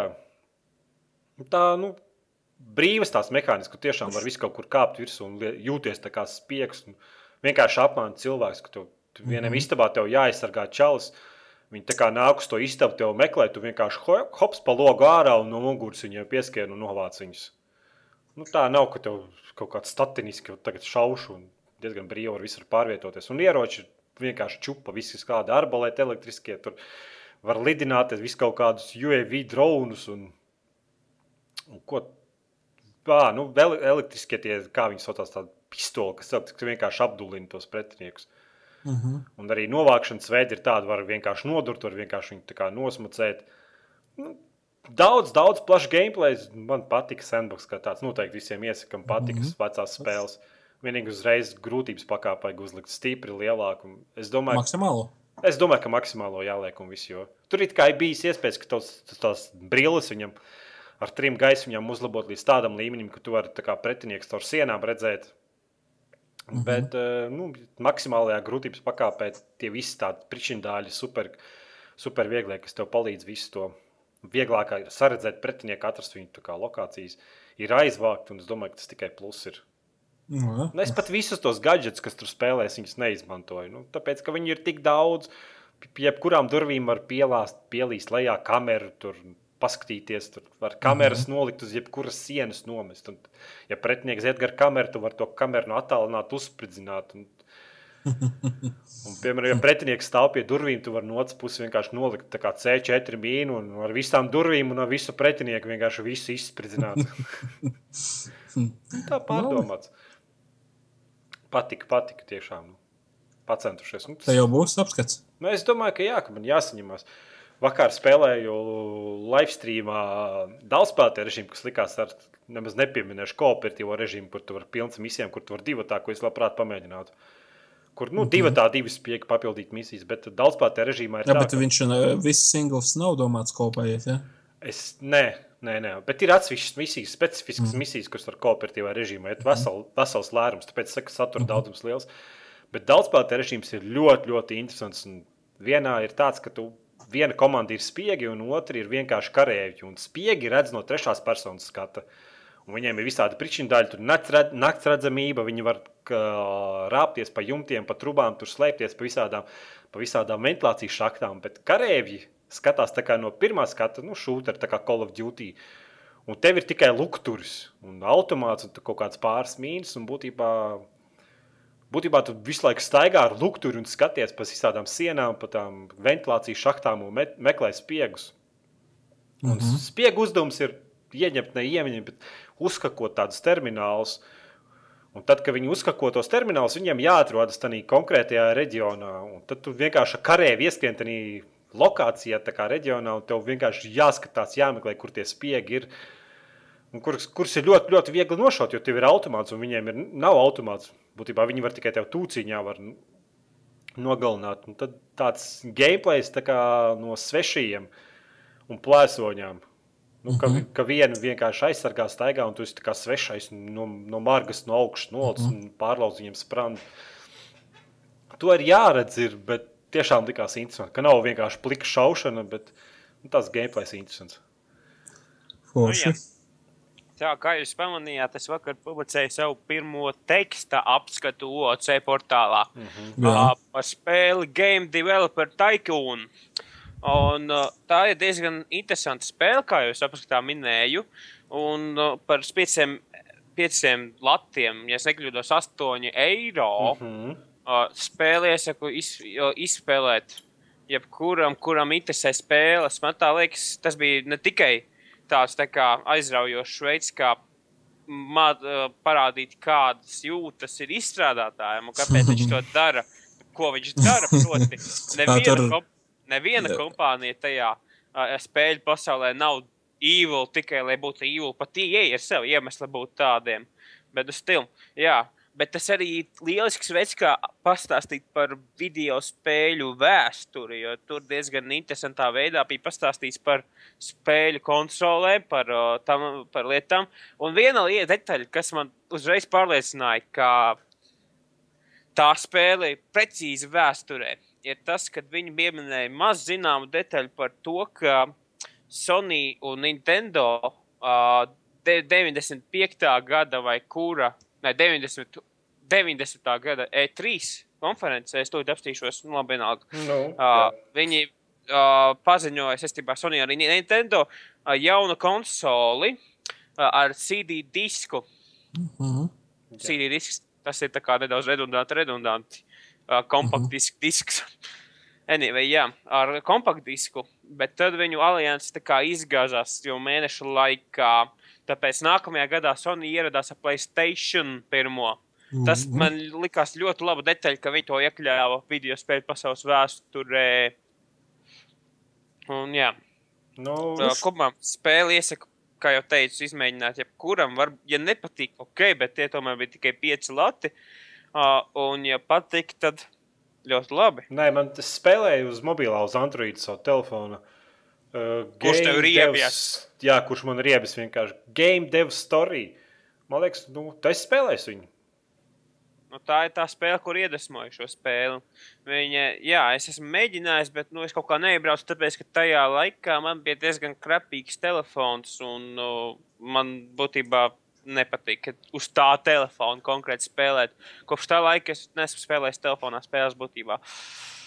Bet, nu, stil, jā, es esmu lasījis, ka tā spēle ir laba, bet man šī ļoti labi patīk. Bet, nu, princips ir tāds, ka tu sāc to spēli izstrādāt, tu tev pašam jāizvēlas kādu sižetu, ne, bet kādu to tipa spēli, tā būs action, vai ne?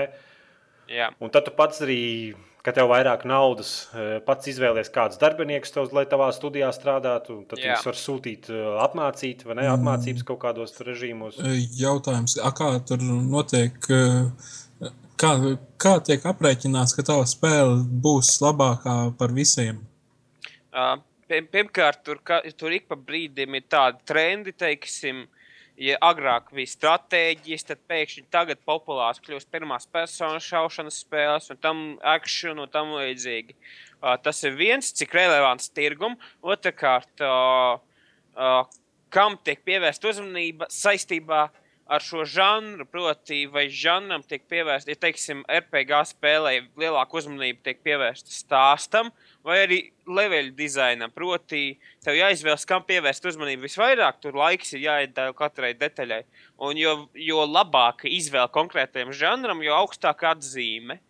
Un tad vēl viena lieta, kas ir nosaka atzīmes, un kas man nedaudz pārsteidz, apstoties tehniskajās detaļās, ir tas, ka vēl viens ļoti liels kā, ir, cik konsistents tos taisa spēles, proti, vai spēlē tikpat labi kā iepriekšējā. Proti, ja, ja tev taisīs sequelus, bet kurš ir labāks par iepriekšējo, bet saglabājot to, kas tur iepriekš bija, tad tev būs ļoti augsts atzīmes un augstāks, ja tu mēģinās kaut ko jaunu un nedaudz izgāzīsies tur. Nu, Bet tur arī bija tā, ka tie cilvēki ar laiku iemācījās kaut kādu konkrētu žanru labāk taisīt. Nebija vismaz. Jā. Jā, nu, tev ir diezgan līdzīga. Man ļoti patīk tā spēle. Viņa ļoti daudz Un vēl spēlē. viena lieta, kas man iepatikās, ir tas, ka tur ik pa brīdim ir kāds random events. Un būtībā tas ie- ietekmē to, cik tev fani un tam līdzīgi. Piemēram, teikt, tu kaut ko tu dari savā starpā, pēkšņi tev atnāks ziņu izraksts, ka tavā vecajā, pirms diviem vai trim gadiem taisītie spēlē, ir atklāts game, breaking uh, bugs, un tev viņš ir vai nu jā, jāizlabo pēc iespējas ātrāk, lai tu nezaudētu fanus. Uh, un, ar, un katru brīdi, ko tu vilcinies, katru nedēļu, tu zaudē apmēram 2000. Nē, nu 2000, ne kaut kāds 20 fanus, līdz kamēr, nu jā, katru nedēļu mazāk paliek, ja tu neizlabo to. Bet labošana maksā nedaudz. Tāda random eventa, teiksim, vienu brīdi man pajautāja, uh, tavi fani ir izveidojuši nelicencētu tā kā spēles fanu versiju, proti, nu kā lai to pasaka, tā, tā kā Modu. nu, modu nē, bet, nu, zini, teiksim, visādiem seriāliem ir fanfikcijas un tam līdzīgi. Mm -hmm. Izveidojuši fanu versiju tai spēlē, turpinājumu, teiksim. Uh, un uh, tev ir jāizvēlas, vai, nu, tu gribi sūdzēt viņus tiesā, vai tev ļaut viņiem darboties. Uh, bet ļaušana darboties tev nenes, nes mazāk naudas. Ne- Nedaudz, nedaudz, bet mazāk sēles padara, jo nu, tas tā kā lēt, tāpēc, ka cilvēki nepērk to oriģinālo spēli, bet to jauno mm -hmm. uh, bez maksas lejuplādē. Nu, bet, nu, stil. Uh, tā kā morāla izvēle. Un visādi citādi random eventi. Kopumā tā spēle diezgan jautra un interesanta. Nu, bet kā tur ar humoru? Vismaz, kad es uz mobilajā spēlēju to game dev Nu, ja, story, ja, man ja, bija ja bebris, tu laikam. konsole ar nosaukumu VU, Jā, tu esi lasījis apskatā. tad, tad ar humoru nav problēma. Man patika se, uh, Sega Genesis nosaukšana par Vena Oasis. Skaidrīte. The Vena Oasis will be a new Genesis in gaming.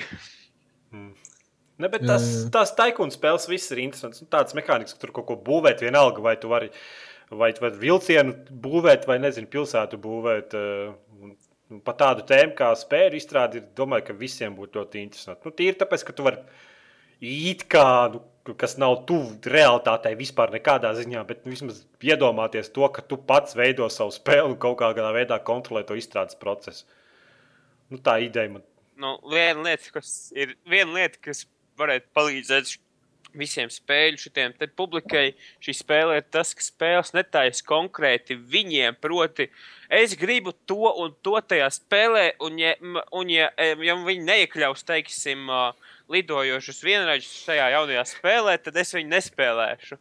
Spēles netaisa tikai viņiem būtībā. Un, jā, Nu, tāds Ā. ir nedaudz plašāks skats, ka tur paskatīties, kāda tev publika, kādai publikai tu tieši piemēro, kādai vecumu grupai tu piemēro, un kādu reklāmu izveido. Nu, vismaz, nu, tādu bišķi, bišķi plašāk, plašāk varēs, man liekas, cilvēks saprast. galu galā, jebkuras, jebkura uzņēmuma mēģis ir nevis iepriecināt cilvēkus. Nav, cil, nav uzņēmums, kurš, kur mēģis ir būt tikai. Būt tikai labajam cilvēkam šajā pasaulē. Jo būtībā jebkuram, jebkuram uzņēmumam ir mērķis pelnīt naudu. Jebkādā veidā ieeja to dara, teiksim, nazāli varojot cilvēkus sārā, Volvo to dara, piedāvājot lieliskas atlaides. Bet, nu, stila, jebkurā gadījumā kompānijai ir jāpelna nauda. Nu, jā, akcionāri un visādas citas lietas, par kurām man nav mazākās nojausmas, bet var tēlot, ka es kaut ko saprotu. Nē, man patīk, es esmu game dev story spēlējis. Game dev tā kūna izskatās tikpat laba. Un noteikti, ka visiem tādas. Noteikti kāds spēlēs, viņi nezina, kaut vai civilizāciju, un trīs stundas spēlēs no vietas, četras stundas no vietas. un Tas ir apmēram tas pats, ja tev tas, tas žanrs ievelk un tev iepatiks tā ideja, būs grūti atrauties. Man liekas, ka šī spēle tuvāk nedaudz fermai, nevis civilizācijai. Labi, jā. nu, mērogs ziņā, bet nu, man patīk. Jā. Un tad vēl viena spēle, ko es tuvākajā pēdējā laikā spēlēju, būtībā kopš jūlija, kur iznāca, bet tad uh, nedaudz saraustīti, jo būtībā nedaudz, jo es viņu gaidīju, bet tomēr nesagaidīju tādā mērogā, kā es viņu gribēju. Stil, bet nu, fakts ir tāds, esmu liels naskārs cienītājs, Es no arī. Latvijā. Es arī Ā, liels būtībā Es tikai ir- Nu, nerunājiet viens otram pāri. Nu, NASCAR būtībā ir kaut kas vairāk par vienkārši riņķošanu 5 stundas no vietas. Kāpēc? Labi, es, Tāpēc es nerunāju. Nu. Nu. Stratēģija ir lielāka nozīme nekā ātrums tur tajā. Bet, nu, stil, uh, es gaidīju NASCAR The Game, un es biju ļoti liels, lielā sajūsmā, kad es ieraudzīju to Steam front page. Un uh, es tā kā to spēli lejuplādēju un uh, izmēģināju. Pirmais, ko es pamanīju, tas, ka tas ir vidējais konsoļu ports, bet ar diezgan vāju anti, vispār nekāds anti-aliasings. Uh, un vispār tā spēle izskatījās diezgan pastiepta no 720p interfeisa. Šitiem te overlayam bija zem izšķirtspēja. Uh, un grafikas settingi neeksistē gandrīz nekāda, bet, nu, stila, domāju, vismaz kaut ko, be, vismaz beidzot kāda naskā spēle ir uz PC. Jo būtībā mana mīļākā spēle NASCAR jomā ir NASCAR Racing 2003, kas būtībā ir simulators un kura izstrādātāji tagad veido iRacing.com. Un šī spēle, NASCAR The Game 2013, starp citu, You Just Lost the Game, uh, ir, uh, ir, uh, ir, ir, ir, ir uh, tāda tā kā starp pārkādi, proti NASCAR 2008, kas bija uz konsolēm tikai. Un starp NASCAR Racing 2003. Nu, Tā, tā kā pa pusē, kā simulators, pusē arkāde. Un no abām, abiem žanriem ir paņemts pats sliktākais. Proti, no simulatora ir paņemts tas, ka mašīna kustās kā uh, laiva pa zemi, Mm. griežās. Mhm. Uh, un uh, tikko kā tev kaut kas pieskarās, kaut piebrauc tūmā, un tu viss, visas mašīnas, visas mašīnas saskrienas, un viss apstājas, un viss avārija lielākā pasaules vēsturē. Un tas ir jautri, bet uh, stil. Uh, bet no arkādes ir paņemts tas, ka uh, ir diezgan daudz ekrāna interfeisa elementu, kuri traucē uh, cilvēkiem, kuri grib imersoties, bet uh, palīdz tiem, kuri ir nūbi. Un tā kā es neesmu nūbs, man nepatīk, tad, kad rādās, tev blakus ir mašīna, uzmanies. Es kur tam līdzīgi. Jā, To nevar Un, uh, izslēgt ārā. Nē, izskatījās, ka nevarēja. Un vēl viena lieta, kas man nedaudz nepatika, ir tas, ka no neskā spēles viena no svarīgākajām lietām ir avārijas. Un šeit avārija šitās destruction, uh, damage, nu tā kā iznīcība mašīnām, burtiski gandrīz neeksistē, tikai nedaudz iebukņī. Proti, iz... apmet dažus kūleņus, noskrāpēs krāsu. Nu, tas ir apmēram tā kā Gran Turismo 5. Nu, nevar daudzīt mašīnas. Nu, bet uh, labi. Mans sapnis ir NASCAR spēle, kur izstrādā Codemasters. Un uztaisa no viņa uh, šauda. Pornogrāfiski. Šodien uztaisīt. Tu vari braukt tikai Jeffu Gordonu, ja tu gribi pārējās mašīnas nopērts DLC par 5,99. Tas jau bija ieeja gājiens būtu. bet Nē, nē, nē, tu esi spēlējis D3, tur pusi no mašīnām varēja tikai ar DLC nopirkt. Es, grib, es skatos, oh, beidzot kāda spēle, kurā ir Lancia Stratos. Mm. -hmm. Ok, you have to buy this car. Tu, you have to O, buy. Šis pats Ā. kretīgākais. Nu, kad spēlē ir tā iekšā tā ikona, nu, viss pati mašīna, un kad viņi tirgo. Man liekas, tas ir pilnīgākais debilisms. Bet, spēle, bet mašīnas spēlēs tas visās tas ir. Pat Need for Speedā Deranā bija tā, ka tur vienkārši pašā spēles sākumā tev pieejams Porsche. Un tu ķipa piespied viņu, es gribu braukt ar Porsche, bet viņš to pats tikai ej, nahu, nopērk šito DLC. Un, un vēl trakāk, laikam, pēdējā bija, ko es spēlēju, tas bija uh, Forza, tas Horizon, tur arī bija pilnīgi tas pats. Tur vispār puse mašīnas man tāds sajūta bija tikai jāpērk. Nu, Bet es gaidu Project Cars. nu, jā, es, protams, esmu sahaipojis kā trešo jēzu. Otro jēzus, atnākšot, kurš bija otrs. Trešais jēzus. bļa. Otrais jēzus, bet nu stili izskatās, ka tā spēle būs lieliska un beidzot kāda spēle, kura ir taisīta tieši PC. Uh, braukšanas spēle. Būtībā jau pēdējā laikā nav bijusi neviena braukšanas spēle, kur man būtu apmierinājusi. Uh, Jautājums, jautājums kā nē, Jāni, apmierināt. Jāni, tu esi diezgan netīrs prāts. Neķītas prāts. es sapratu, reiz, ko Jānis pamie, padomāja pie vārda. Ne, apmierināt. Netīra prāts. Nē, projekts kārs ir tiešām liels. Man bija Projekts kārs, jā. Man patika viņa pēdējais veikums, kas, protams, manā pusarkādisko legālo spēļu sarakstā ir tas ir Shift 2. To, to pašu izstrādātāju un, un to no pusarkādiskajām es uzskatu. Viņi ir paņēmuši, man, manuprāt, cik esmu spēlējis, viņi ir paņēmuši labāko no šīm divu, proti, skaņas, salona, grafikas, un uh, pārējo paņēmuši, bet izņēmuši visu, kas bija slikts šīm divu, proti, nožēlojamais interfejs, EA. Un, un, un, un, un, un, un, un, un, un vadāmība, kas izskatījās kā švamme pa ūdeni. Nē, nebija. Runājot normāli par. Codemasters, es tikko atvēru Steam un secināju, ka frontpage ir uh, Formula 1 2013. Un es viņu preorderēšu. Es, man ieinteresēja tas, ka atkal DLC veidā, bet nu, stila atgriezīsies uh, 90. un 80. gadu klasiskās formulas, Lotus 100T, Ferrari, Williams, mm Mhm. -hmm. Niki, teiksim, Nikija Lauda, Ayrtons Senna un pārējie braucēji.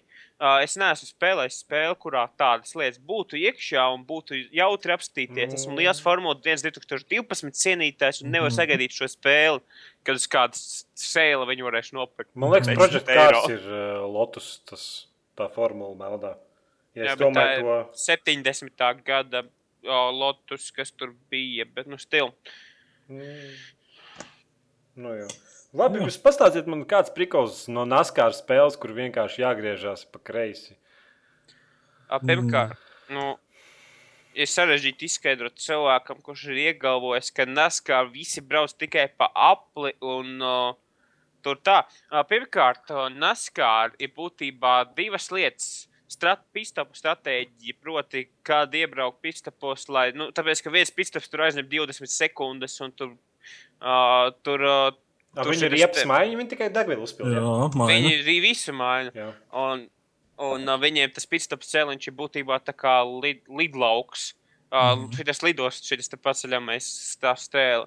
Un otrkārt, otra lieta ir uh, izkārtojums uz šitā te, uz uh, pašas trases, proti, kā tu vēja pretestību uh, regulē, uh, cik tuvu tu piebrauc pretinieka, ma pretinieka, pretinieka mašīnai, lai samazinātu savu un viņa, teiksim, to vēja kabatu, kas ir starp abām mašīnām. Un jo mazāk tā, tas tā vēja pretestība, jo ātrāk brauc, un tad viņu var apdzīt.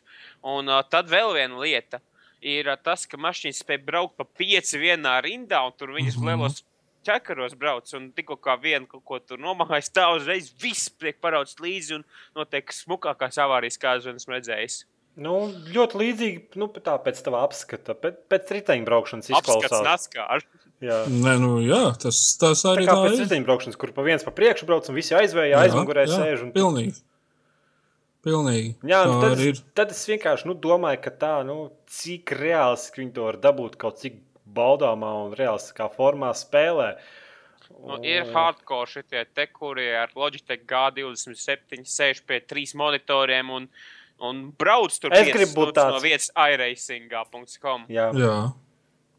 No, kāpēc jūs Teiksim, to zinu, ka, nespēlējat? teiksim, Kāpēc jums, kāpēc jums Tāpēc, ka jāpār? man nav, tāpēc, ka pirmkārt man nav pietiekami liela šī tā te. Pirmkārt, es nevaru atļauties licenci, otrkārt, man nav viss šis te vajadzīgais, tas tur Ekipējums. aparatūra, ekrāni, stūri man nav G27 un tam līdzīgi. Nesaku, kas tirgoja trīs monitorus. Reklāmas pauze. Jā, bet o, par NASCAR runājot, o, par to iRacing runājot, iRacing patiešām ir burtiski tā kā braukt ar īstu mašīnu un o, to treniņu nolūkos izmanto braucējs Dēls Enhards juniors. Mhm. Tik Jā. reālistiski viņa ir. Viņa grafiski ir nesmuka. Nu, Nu, grafika, simulācija, tas neiet kopā. Grafika un simulācija. un Parasti simulācija ir Simulācijās lielāks. ir kā tas tur Mm, jā. input lags, un jo vairāk elementu, jo tā kā vairāk ko darīt, un mazāk tā kā Mhm. iespējas pievērst uzmanību pašai fizikai. Nu, ņemot vērā, ka esmu tāds auto, entuziasms, kurš nosaka mašīnas krutumu pēc cik labi viņi izskatās attēlos. Cik liels spoilers! Cik liels kā sievietes, spoilers, jā. jā, Tā kā sievietes. jā, Cik liela spoileri, tā tik laba tā sieviete. ne? jā, jā tad, tad, tad es aizreising. Nē, es gribu to stūri. Es tiešām gribu to gāto stūri. Es gribētu pamēģināt, bet tad man, tad man atkal gribēsies trešo monitoru. teicu, ka man paziņa, kur man, man paziņa manu datorgādu, kur ir Logitech G9, XPL G710, uh, tastatūra G230, headsets un vēl visāds Logitech G ierīces nosauc par G punktu. Mm -hmm. Nē, stūri, tā? stūri ir tiešām foršs pasākums. Sakiet, ko gribiet. Man bija tāda pusjēla stūra, un tā jau bija jau. Stūri ir jāpievērš uzmanība diviem parametriem. Uh, stūris leņķis 900 grādi ir perfekti, un pedāļu pretestība. Proti, nu jā, Nu, jā, bet es gribu to stūri, kura pati apakaļ griežās, kurā motors ir. Nav, nav tikai nevis, nevis tāda stūra, kurai ir tikai pretestība, vienkārši tur ir motors, bet tāda, lai viņi tā kā varētu driftā. Vienkārši, nu, kad tu samest mašīnu, atlaid stūri, lai viņi apakaļ grieztos. Nu, kurai motors ir iekšā. Ir. Mhm. Tā lai būtu. Nu, For real. G27 vai G25. Nu, jā, man paļabom es kaut kad nopirkšu, nekad viņu nelietošu, bet nekas. Vismaz būšu priecīgs, ka man būs viņa. varēsim braukt Eiro truck simulatorā. Oi, Eirotraks simulators uz stūri vienkārši ir fantastisks gājiens. Galvenais, lai ātruma klāra būtu vēl. Kloķis. Jā. Tas kloķis, ar kur tu pārslēdz ātrumu, es nezinu, kas, ko viņš, ko, kādu citu funkciju viņš var pildīt. Labi, Labi ejam tālāk. Es nezinu. Jā, met mieru. Es, es, es metu mieru, jo man ir Es- neapmierināta tauta apkārt. Es atceros, ka mēs no sākuma runājām, vai ātri stundas laikā visu izdarām. Man ir, Mēs, eh, mēs pat līdz ziņām neesam tikuši, un ir stunda 21. Nopietni. Man ir neapmierināta tauta apkārt, jo es, es ne, ilgāk nevaru. Labi. Tu vari tu, tu var nomest klausumus, tāpat mm -hmm. tu neesi vajadzīgs.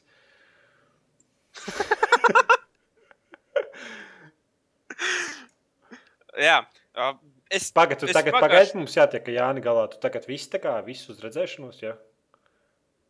Vai viņš, kur viņš, viņš jau nolika klausos, nevar saprast. Es, jā, es esmu uz Viņš jau redzēšanu nolika klausuli. Labi.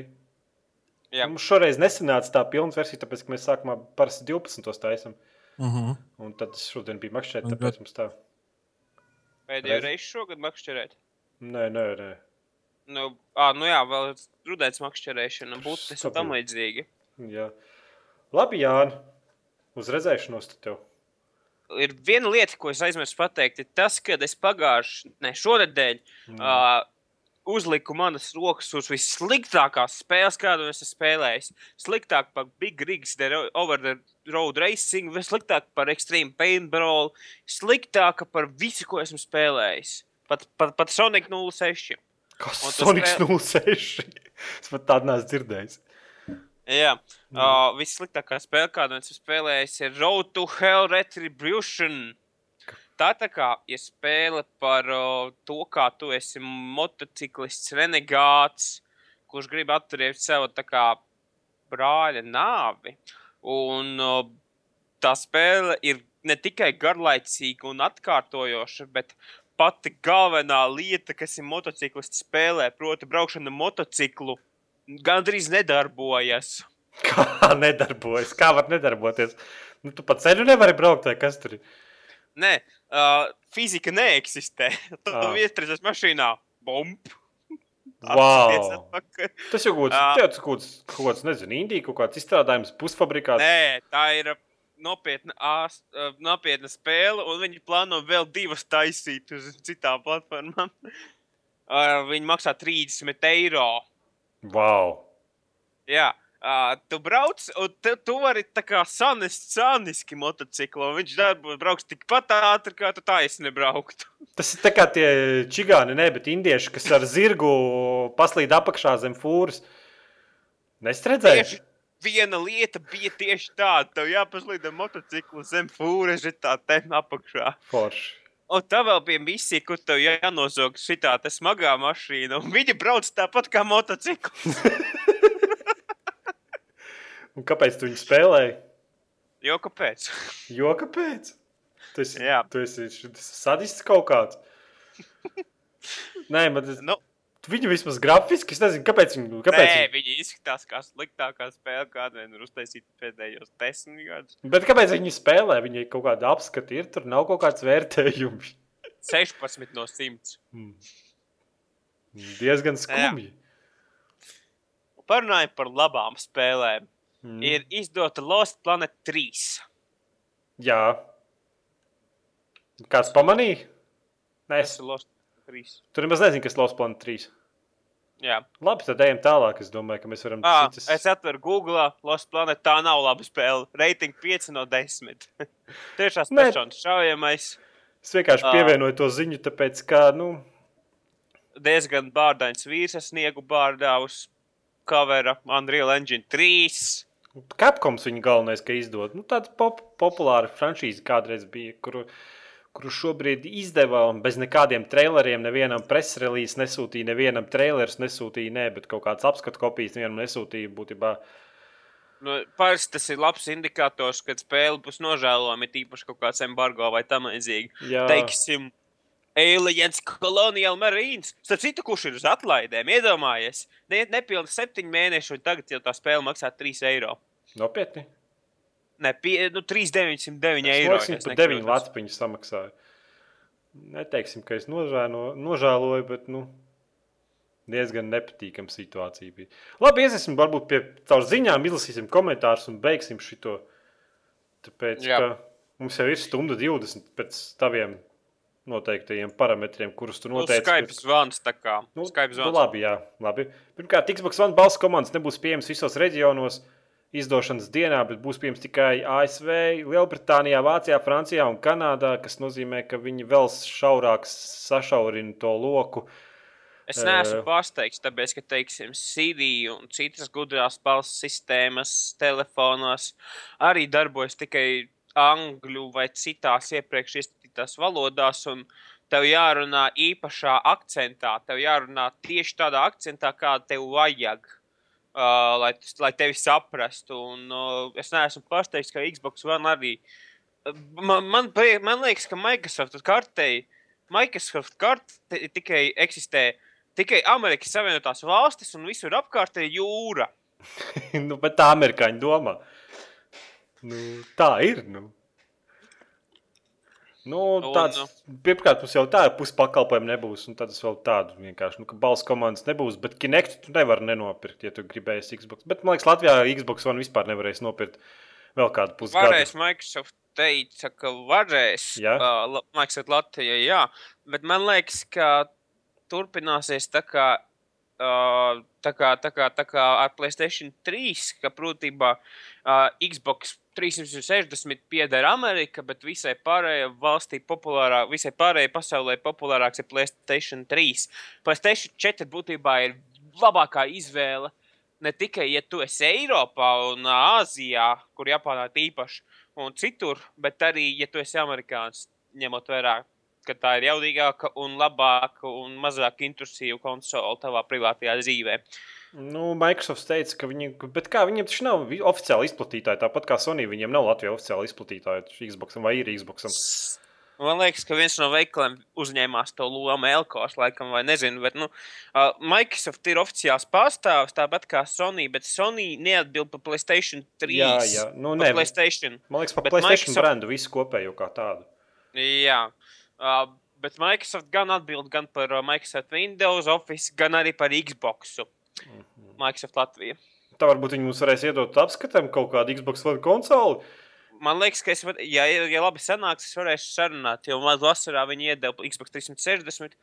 Uh, domāju, ka es varēšu tikt arī pie Xbox One konsoles testa parauga. Nu, būtu diezgan patīkami, tāpēc, ka nu, man, ne, man nav ne mazākās iemesla, lai viņu iegādātos. Nu, Nu, jā. Vismaz pastīties, kāda viņi stāsta. Labi, nākošās ziņas, kas ir Nu, Nintendo. viņi izskatās Nu, kā, viņi izskatās kā kasešu atskaņotājs.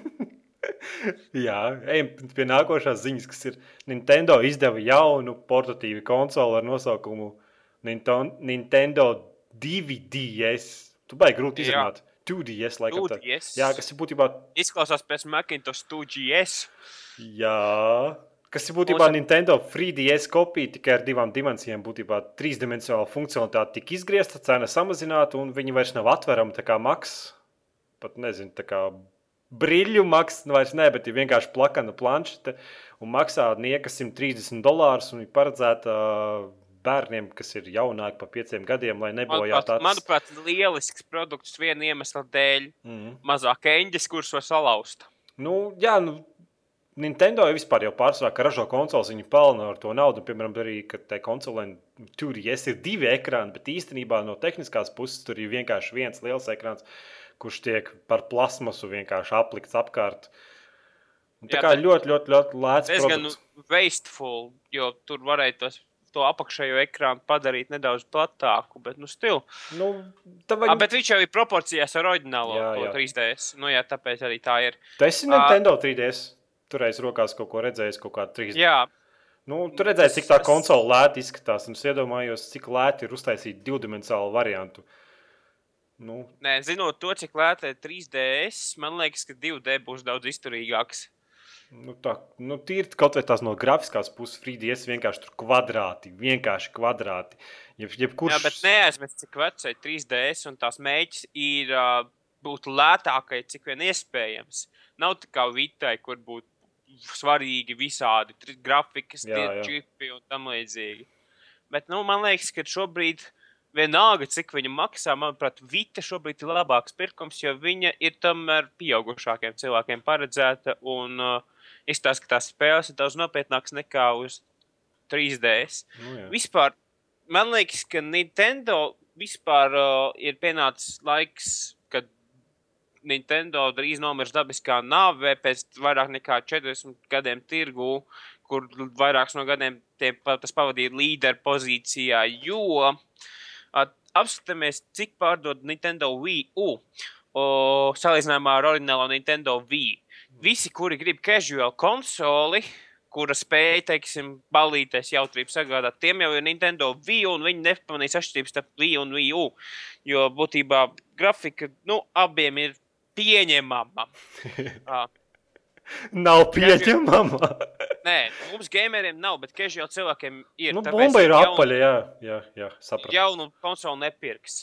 Bet kas notiek? Bet tā, tāpēc viņi nepelna uz, home marketu. Viņi pēdējā laikā visu savu profitu bāzēja uz uh, 3D, DS un 3DS, kur bija visu laiku pārdota kā mobilā konsole, pat populārāk par Game Boyu. Uh, tagad ar šito vien nevar izdzīvot tā iemesla dēļ, ka mums visiem ir iPhone, Android un būtībā ar vien vairāk un vairāk cilvēku nepērk speciālas konsoles, tetrus un tam līdzīgi, bet uh, spēlē vienkārši Angry Birds uz iPhone. Tā kā man liekas, ka mobilais gaming drīz būs tikai ekskluzīvs telefoniem Mm, Man liekas, planšetēm. Man liekas, man kaut kur bija relīze, ka tu tās pateikšu, nevarēšu varbūt konkrēti, bet tikai nosaukumu. Uh, Google Play spēles pārdot, nu, tā kā outsale, kā to latviešu pateikt. izpārdošana. Jā, nu, būtībā Google marketā tiek pārdotas daudzkārt vairāk spēles nekā uz Nintendo 3DS un Play, PlayStation Vitas. Ah, eh, Outsales, jā. outsales, jā, pārdod vairāk. Būtībā Android spēļu markets, kas būtībā 70 vai 90% ir pirātisms, tik un tā vairāk pārdot nekā Nintendo un PlayStation Vita portīvās iekārtas. So, es nezinu, cik ilgi. Bet nu, populāra tā konsole. Frīdijas tirgojas, man liekas, diezgan zurā, un tur, tur daudz labas spēles, kā pēdējā laikā iznāk, kas cilvēkiem patīk. Un tas Nintendo. Bet, vai, bet uh, man liekas, ka 3DS XL ir daudz labāks tā iemesla dēļ, ka tā 2DS, lai gan, starp citu, te ir bildes, starp citu, es varu iel, ielikt kaut kur. Es atradu gameinformer.com, kur tiek salīdzināta 3DS un 2DS. Un tas 2DS vairs neizskatās tik liels, kā viņš izskatās preses bildēs. Viņi pat varētu izskatās, ka ielikt kaut kur. Nu, it kā viņš kabatā kaut kur lienijā, bet nu, 130. Nu, viņš, izskat, viņš ir apmēram tikai nedaudz garāks, cik apakšējā daļa 3DS mm -hmm. uh, XL. Bet man liekas, ka tas ir liels kompromiss, jo izskatās, ka tas ekrāns ir ļoti maziņš. Un, uh, man liekas, ka 3DS XL, lai gan dārgāks, bet arī man liekas, būtu labāka izvēle nekā šis lētais budžeta. Nu, jā, bet cena ir tik maza, un es domāju, ka viņš novembrī vai katru iznāk, man liekas, bērniem tiks sapirkts kaudzēm šitie 2DS par 130 dolāriem uz Ziemassvētkiem. Man liekas, aizies tā kā uz urā kopā ar visu Pokemon spēli jauno. Nu, ja, ja, ja es gribētu kādam nopirkt Ziemassvētku dāvanu spēlēm, tad es par 200 dolāriem nopirktu Nexus 7. Tas nav spēlēm, tur nav pogas, un tur nav galvenā īpašība, kas nav Nexus 7. Tur nav jaunā Pokemon spēle. Mm. Kā tu vari dzīvot bez No, Pokemon? no buy, no buy. Nobai, ja nav. Jā, un reku, vēl viens jaunums no Nintendo Wii U cena samazināta līdz 299 dolāriem uz ekskluzīvo Wii U Elite, kas bija melnais modelis ar 32 gigabaitiem. Tik un tā neviens viņu nepirks. Cik maksā PlayStation 4? 400 dolāri. Jā. Bet, nu, Wii U. Wii U ir apmēram tikpat jau nedaudz, nedaudz jaudīgāks par uh, Xbox 360, bet stila apmēram tajā pašā grafiskajā grupā. Un vēl aizvien to iekļauj 8. ģenerācijā kopā ar PlayStation 4 un Xbox 300, Xbox One. Uh, un būtībā viņa nav salīdzināma ar šīm divām konsolēm. Bet, Es- viņ, bet tev no kontrolera ekrāns. Un tev nebūs, Wow. tev nebūs zelta. Mm, Kur tu spēlēsi jauno zeltu? uz emulātoru. Labi. Tā nākošā ziņa mums, laikam, pēdējā. Saints Row 4 pārdots vairāk kā miljonus spēles kopijas. Nu, jā, nu, pēc man- manuprāt, tas ir viens, viens no svarīgākajiem iemesliem, kāpēc. Ir tik daudz, kāpēc Saints Row 4 ir tik populārs, ir tas, ka daudz jaunu spēlētāju par Saints Row 3 uzzināja tieši Humble Bundlā. Nu, varētu būt, jā. Nu, miljons nav, nav tā kā slikti, nav labi, bet nu, vismaz prieks, ka kāds viņu pērk. Jo, Žēl, ka šitie miljoni spēles kopijas neiznāca tad, kad THQ vēl bija dzīvs un kad viņi vēl varēja izķeproties. nu, man liekas, ka viņi tur īsti nevar izsaproties.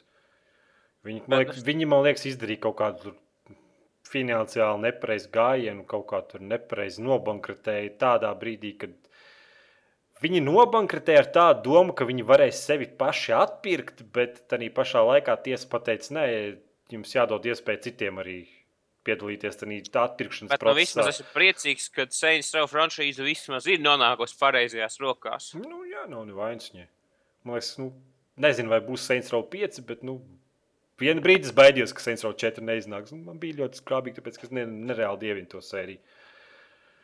Nu, zinot to, cik veiksmīga ir šī spēle, varētu būt, ka Saints Row būs piektā versija. Bet no otras puses, es nezinu, kur vēl trakāk varētu viņi iet. Nezinu. Man liekas, ka Saints Row 5 tu jau būsi dievs.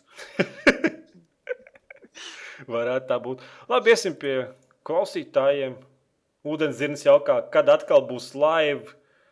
Eh, Kad mēs dzīvajā translējam podkāstu, problēma tāda, ka mums nav laika, kad mēs varam sarunāties. un tad nu, tas, tas pasākums, lai laivā būtu, ka tiešraidē visu to prasa daudz lielāku sagatavošanos, nekā esmu gatavs šobrīd ziedot no savas dzīves. Kaut kā tā, laikam.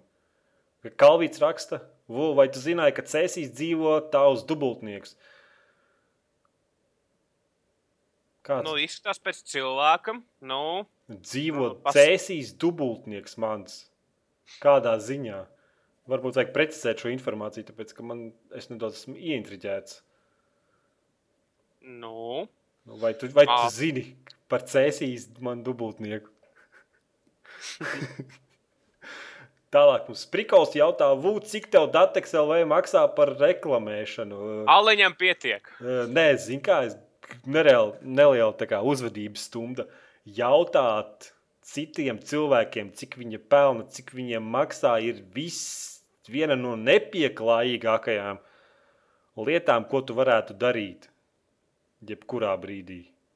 A, kas zina, varbūt viņš ir tas potenciālais reklāmas partneris undercover. un Viņš jautā, uz kādu cenu tev tēmēt. Mm, varbūt, jā, bet es domāju, ka tam ir daudzkārt vieglāki veidi, kā iegūt. Teiksim, vienkārši pajautāt, labdien, es gribētu iestādīt reklāmu, cik jūs vēlaties saņemt. Jā, piemēram, e-pastā. Tālāk, kal kalpēns ja, jautā Jānim, bet Jānis šobrīd ir offline, tāpēc to jautājumu mums jāizlaiž. Tālāk, ūdenzirnes varas jautā, ko tādu izdarīja E-jaunzems, lai tiktu podkāstā? Ko tādu izdarīja? Es pazvanīju Edgaram, iet, ielauzos viņa birojā un, piedu, pie, un ar šaujam pie galvas teikt, ja tu nelaidīsi man pie podkāsta, Mm -hmm. tava dzīve pārvērtīsies par elli. Jā. Tas bija diezgan labs arguments. Nu, Un tāpēc viņš šobrīd atrodas manā pagrabā, sasiets ar mikrofonu pie mutes, un tagad Jānis būtu teicis rābolu mutē, bet nu labi. neklabi, ka neargu. Fui, vēl. Nu, jā, kā es aizstāju Jāni šobrīd. Jā, jā. Vrek. Vreks ir, kur jautā, vai Elvis podkāstos ir uz palikšanu. Nu, nu, jā, ņemot vērā, ka es viņa pagrabā iespundēts, tad diezgan uz palikšanu. Nu, vismaz ceru, ka viņam neapniks. Un neaizstās abolu ar kaut ko citu. Slaukans jautā, kad viņu pasaules ciemos sauc tikai izredzētos. Jā, Tur nevar tā, tur, tur tā no vai tu vēlēsies nokļūt manā pagrabā? Jā, Ūdenzils vēl vienu jautājumu jautā. Vai kādu dienu atkal būs kāds tematiskais podkāsts, kā piemēram, viss senais atpakaļ bija Diablo 3 podkāsts? Es domāju, ka būs kaut kāda liela spēle. Kā Diablo 3 varētu pa GTA 5 noteikti kaut kādu atsevišķu podkāstu uztaisīt, bet tā nav. Es jēga. tur klusēšu visu laiku, jo man nav konsoles šobrīd. Nu, jā, tas, tas vairāk tā kā tāds intervijas, intervijas intervālā, tāpēc, ka Diablo 3 iznāca un es, es sapratu, ka es negribu pirkt to spēli, bet tomēr daudziem par to spēli bija liela interese. Tāpēc es pazvanīju Jānim, mēs uztaisījām tā kā mikro podkāstu tās pirmās dienas iespēju. Nu, teikt, to pašu varēs izdarīt ar Jāni, kurš preorderojas GTA 5 un uzzināt par GTA 5 pirmos tos iespējas kā atsevišķā mini podkāstā, bet nu, redzēsim. Runājot par tematiskiem podkāstiem, Prikols jautā, nesaka, pavēlu, vajag podkāstu par League of Legends. Nē. Un, nope. es spēlēju League of Legends, es aizmirsu pastāstīt. Ja tu saproti, būtībā es esmu Džeks. Nē, kā īsāk sakot, tā ka es šobrīd esmu ticis Silver līgā, oficiālos ranked mačos, un es ar Džeksu spēlēju supportā. Un divas spēles pēc kārtas izvilku komandu, spēlējot supportā. Un pats interesantākais moments bija, kad es spēles sākumā spēlēju kā supports. Un es viens pret vienu novācu pretinieku komandu džungļu udiru. Un man liekas, vātā, kas pa ņūpu, kad es nu, tā viens pret vienu cīņā vienkārši ar supportu personāžu pieveicu džungļus. Diezgan, man liekas, viņam pat bija buffs reids. Man liekas, diezgan tā pacilājoši. Tu kaut ko saprati no tā, ko es šobrīd pateicu? Nē, bet nu, stilā es sapratu, ka kaut kas interesants notika, bet nesapratu, kas tieši. Bet runājot par spēlēm, uh, vakar spēlēja Battlefield 3 un Team Deathmatch un Ošāra kanālas. Net un net serverī Zviedrijā. Diezgan mm. -hmm. labs servers. Pēkšņi viens čatā ieiet. Vispirms manam tā kā Battle Buddyam, Drunkfield biedram Ferokam uzmācis par kaut ko. Uh, tad visiem saka, ka stulbais kempers un tam līdzīgi. Uh -huh. Ja tu vēlreiz, ja es pie, vēlreiz pieķeršu, izbanošu. Uh, Jā, šādi tad- ir labi. Jā, jā. tad es viņu nogalinu ar raķeti nejauši. Mm. Smāvu raķeti. Viņš saka, vēl viens, vēl viens RPG kills uz infantry. Es tev izbanošu. Es tad sāku vienkārši sāku izmantot raķeti kā primāriju, šauju pa visiem. Mm. -hmm. Skaitu čatā. Pirmais, otrais, trešais skills. Tieku līdz 21. Vēl aizvien neesmu banots. Mm. Šitie labie čaļi ir. Es tevi izbanošu. Vienkārši faz. Bet eh, jautājums ir tāds, kāpēc tu spēlēji Battlefield 3 Team Deadmatchu no šā kanālu? Tāpēc, ka es biju dzēris. Tas bija vienīgais iemesls. Tāpēc, es pēdējais iegāju tieši tādā pašā režīmā, un man likās ļoti skumji. Nošāra kanāls uz 64 cilvēkiem ir haoss. Bet diezgan jautrā veidā haoss, ja tev esi diezgan mazohistisks cilvēks. Un tev ir diezgan pieejams alkohola daudzums. Jā, Mhm. Labi, tad beigsim ar šo pasākumu. Ne? Man patīk, ka Jānis mūs noklausās. Man, liekas. es tādu, man tāda aizdomā, viņš varētu ieslēgt mikrofonu, ja viņš, tāpēc, ka viņš nav nolicis klausulu. Bet viņš laikam neatbildēs. Viņš varētu atvadīties, bet nē. Vai viņš ieslēdz, laikam, vai neieslēdz. Viņš tomēr klusēs. Labi, tad visiem ar tā. uz redzēšanos!